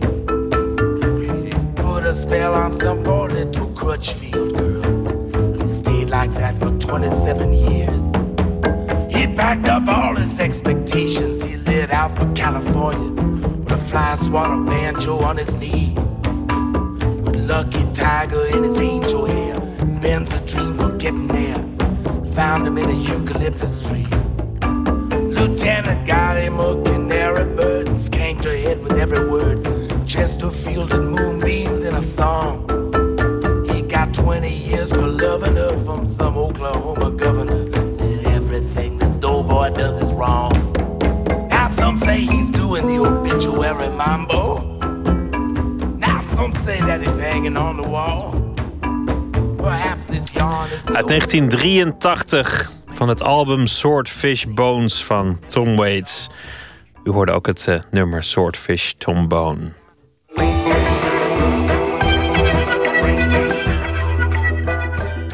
U luistert naar de VPRO, Nooit meer slapen. Charles Bukowski was een drinker, een hoerenloper, een misantroop. In zijn vrije tijd was hij gelukkig ook een schrijver en een dichter... die over eerder genoemde zaken uitgebreid verslag deed. Dit jaar wordt veel van zijn werk opnieuw uitgegeven in Nederland. Reden voor journalist en vertaler Dirk-Jan Arendsman om het werk grondig te herlezen. Verslaggever Maarten Westerveen zocht Arendsman op om het over Bukowski te hebben. Maar eerst zal zanger Tom Waits een gedicht van de schrijver voorlezen.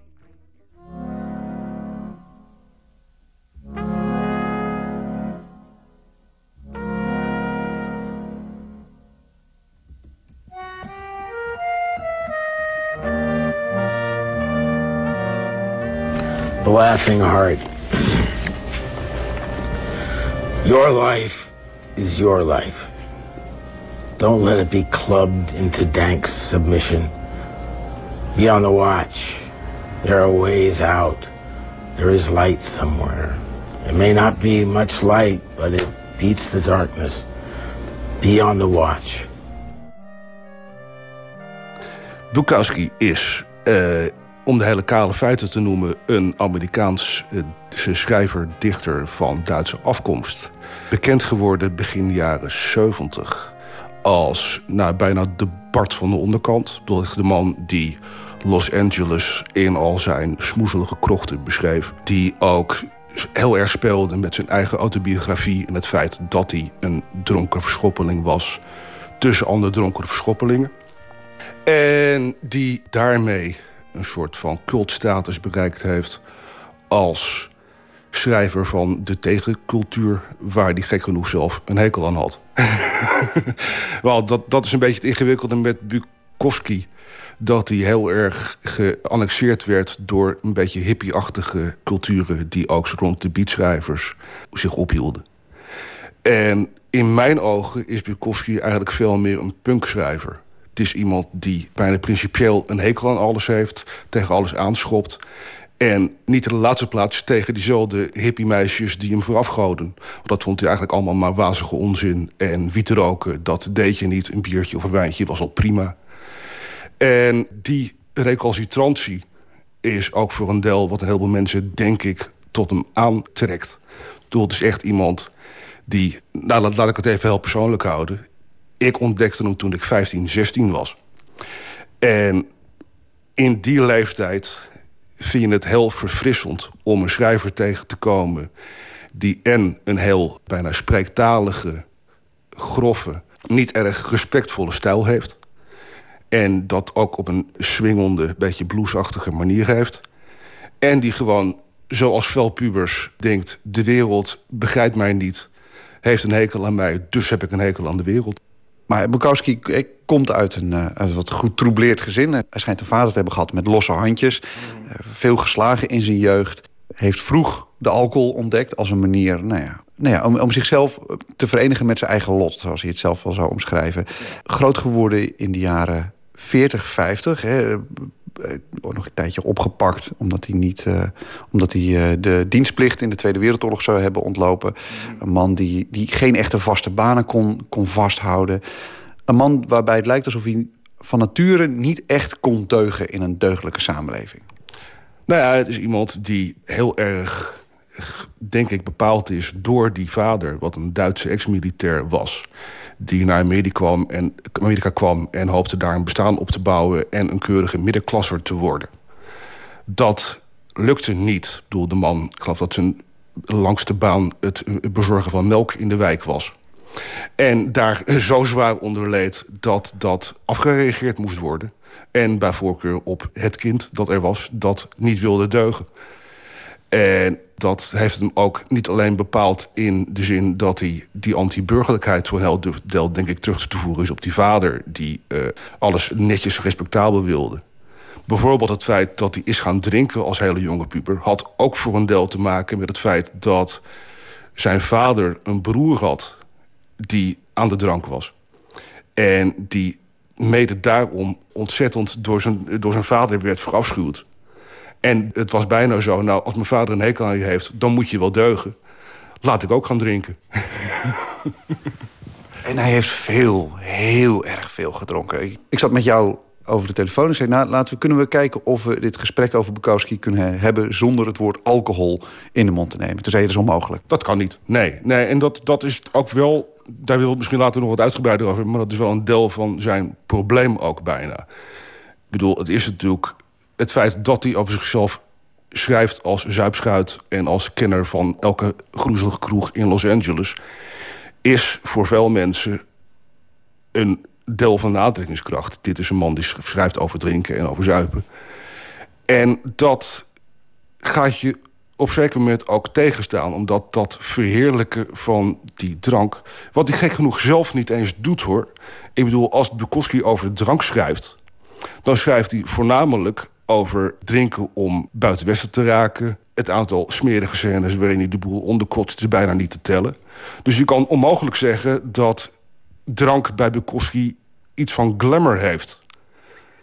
Feit is dat veel lezers dat enorm stoer en confronterend en mooi zijn gaan vinden. En dat die reputatie, hem wat dat betreft als schrijver, bijna in de weg is gaan staan. Ik bedoel, hij werd ook steeds meer het cliché van de brallende, dronken anarchist...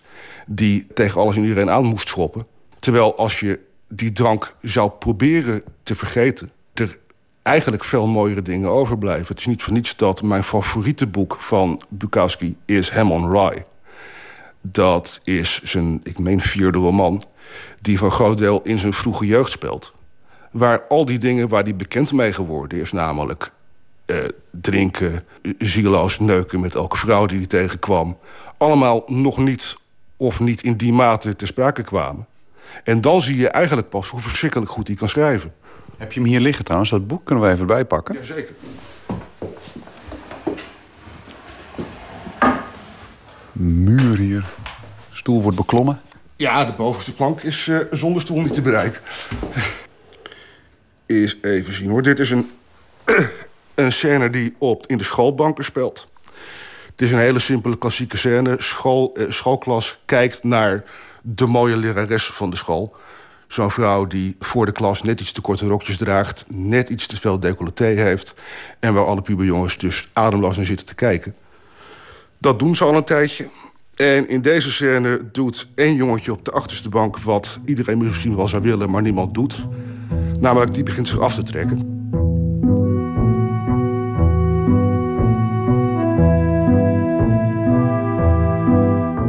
Toen begon het geluid. Bonken, bonken, bonken, bonken. Richard Wade. Hij zat ergens achteraan. Hij had zuiloren en dikke lippen.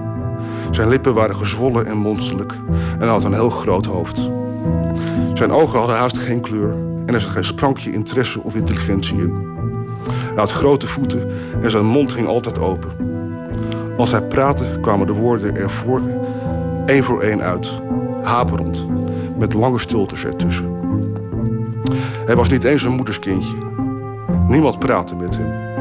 Niemand wist wat hij bij ons op school deed. Hij maakte de indruk dat hij ze niet allemaal op een rijtje had. Hij droeg schone kleren, maar zijn shirt hing altijd van achteren uit zijn broek.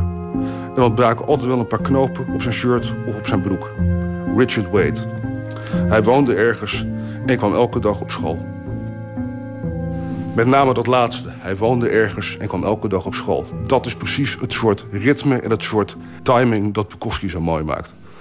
We begonnen er al eigenlijk over in het gesprek.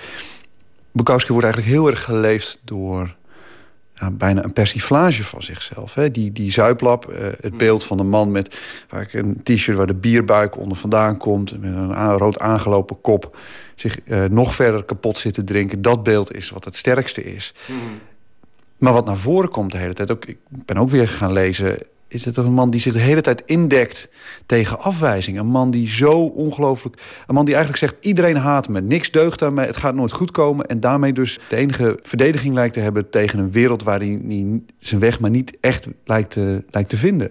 Nou ja, ik denk dat het inderdaad de basis is van zijn, van zijn schrijverschap. En ik denk ook dat de mooiste scènes zijn de scènes waarin je door dat stoere gebral heen ziet hoe bang hij eigenlijk is.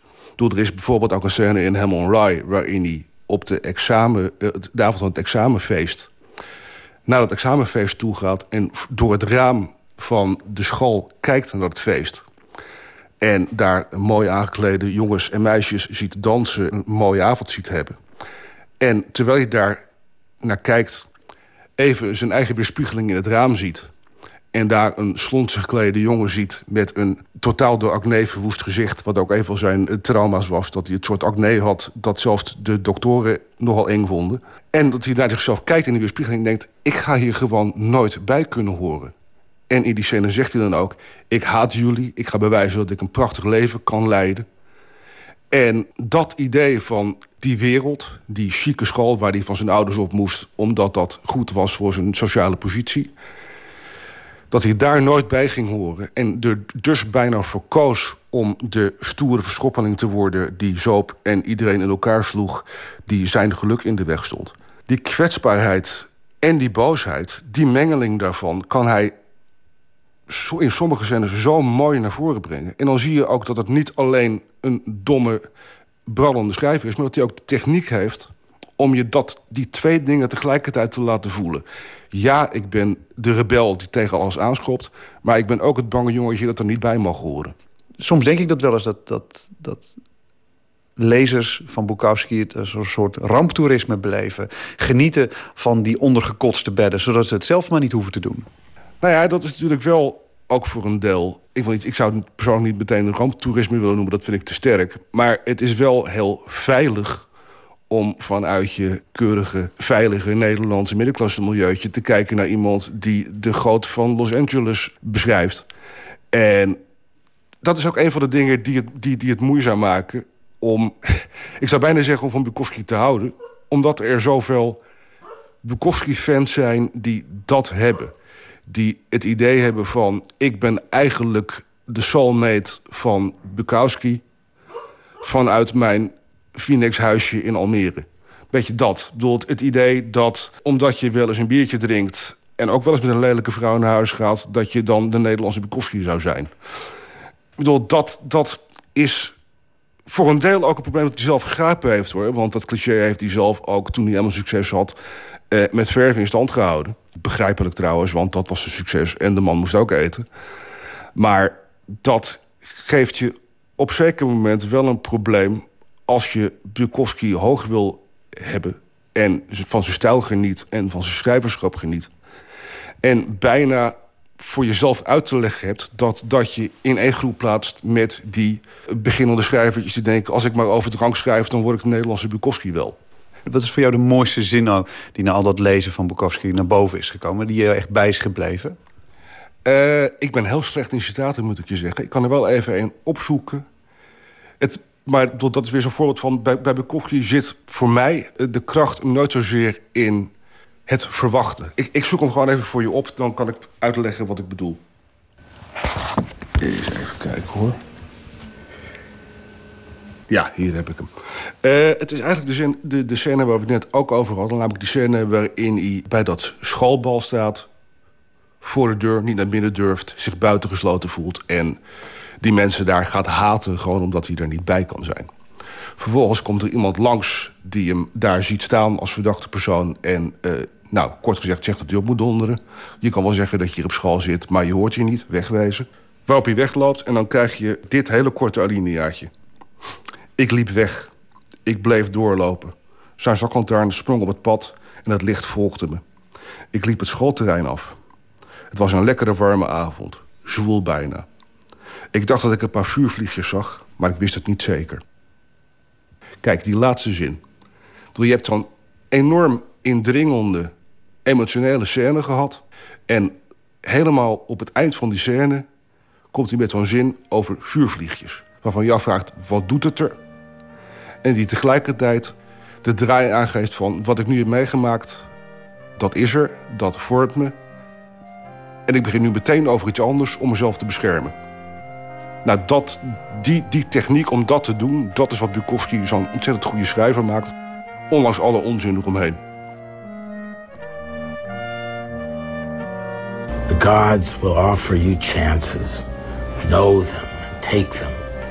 You can't beat death, but you can beat death in life. Sometimes the more often you learn to do it, the more light there will be. Your life is your life. Know it while you have it.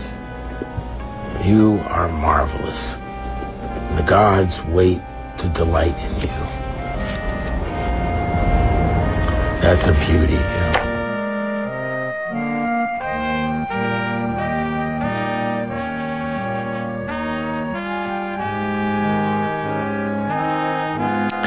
Tom Waits droeg het gedicht The Laughing Heart van Charles Bukowski voor. En even daarvoor spraken Dirk-Jan Arendsman en Maarten Westerveen over de schrijver... van wie het werk dit voorjaar door uitgeverij Lebowski opnieuw wordt uitgebracht. Morgen is Nooit meer slapen weer na middernacht. Dan komt Alice Sandwijk langs, sinds 2006 artistiek directeur van het Rood Theater en regisseur. En we gaan praten over de voorstelling Bossen, waarin een jong meisje het mysterie van de dood probeert te ontrafelen. Dat dus morgen. Ik wens u voor nu een uh, hele mooie nacht en morgen een hele fijne dag. En uh, graag tot dan.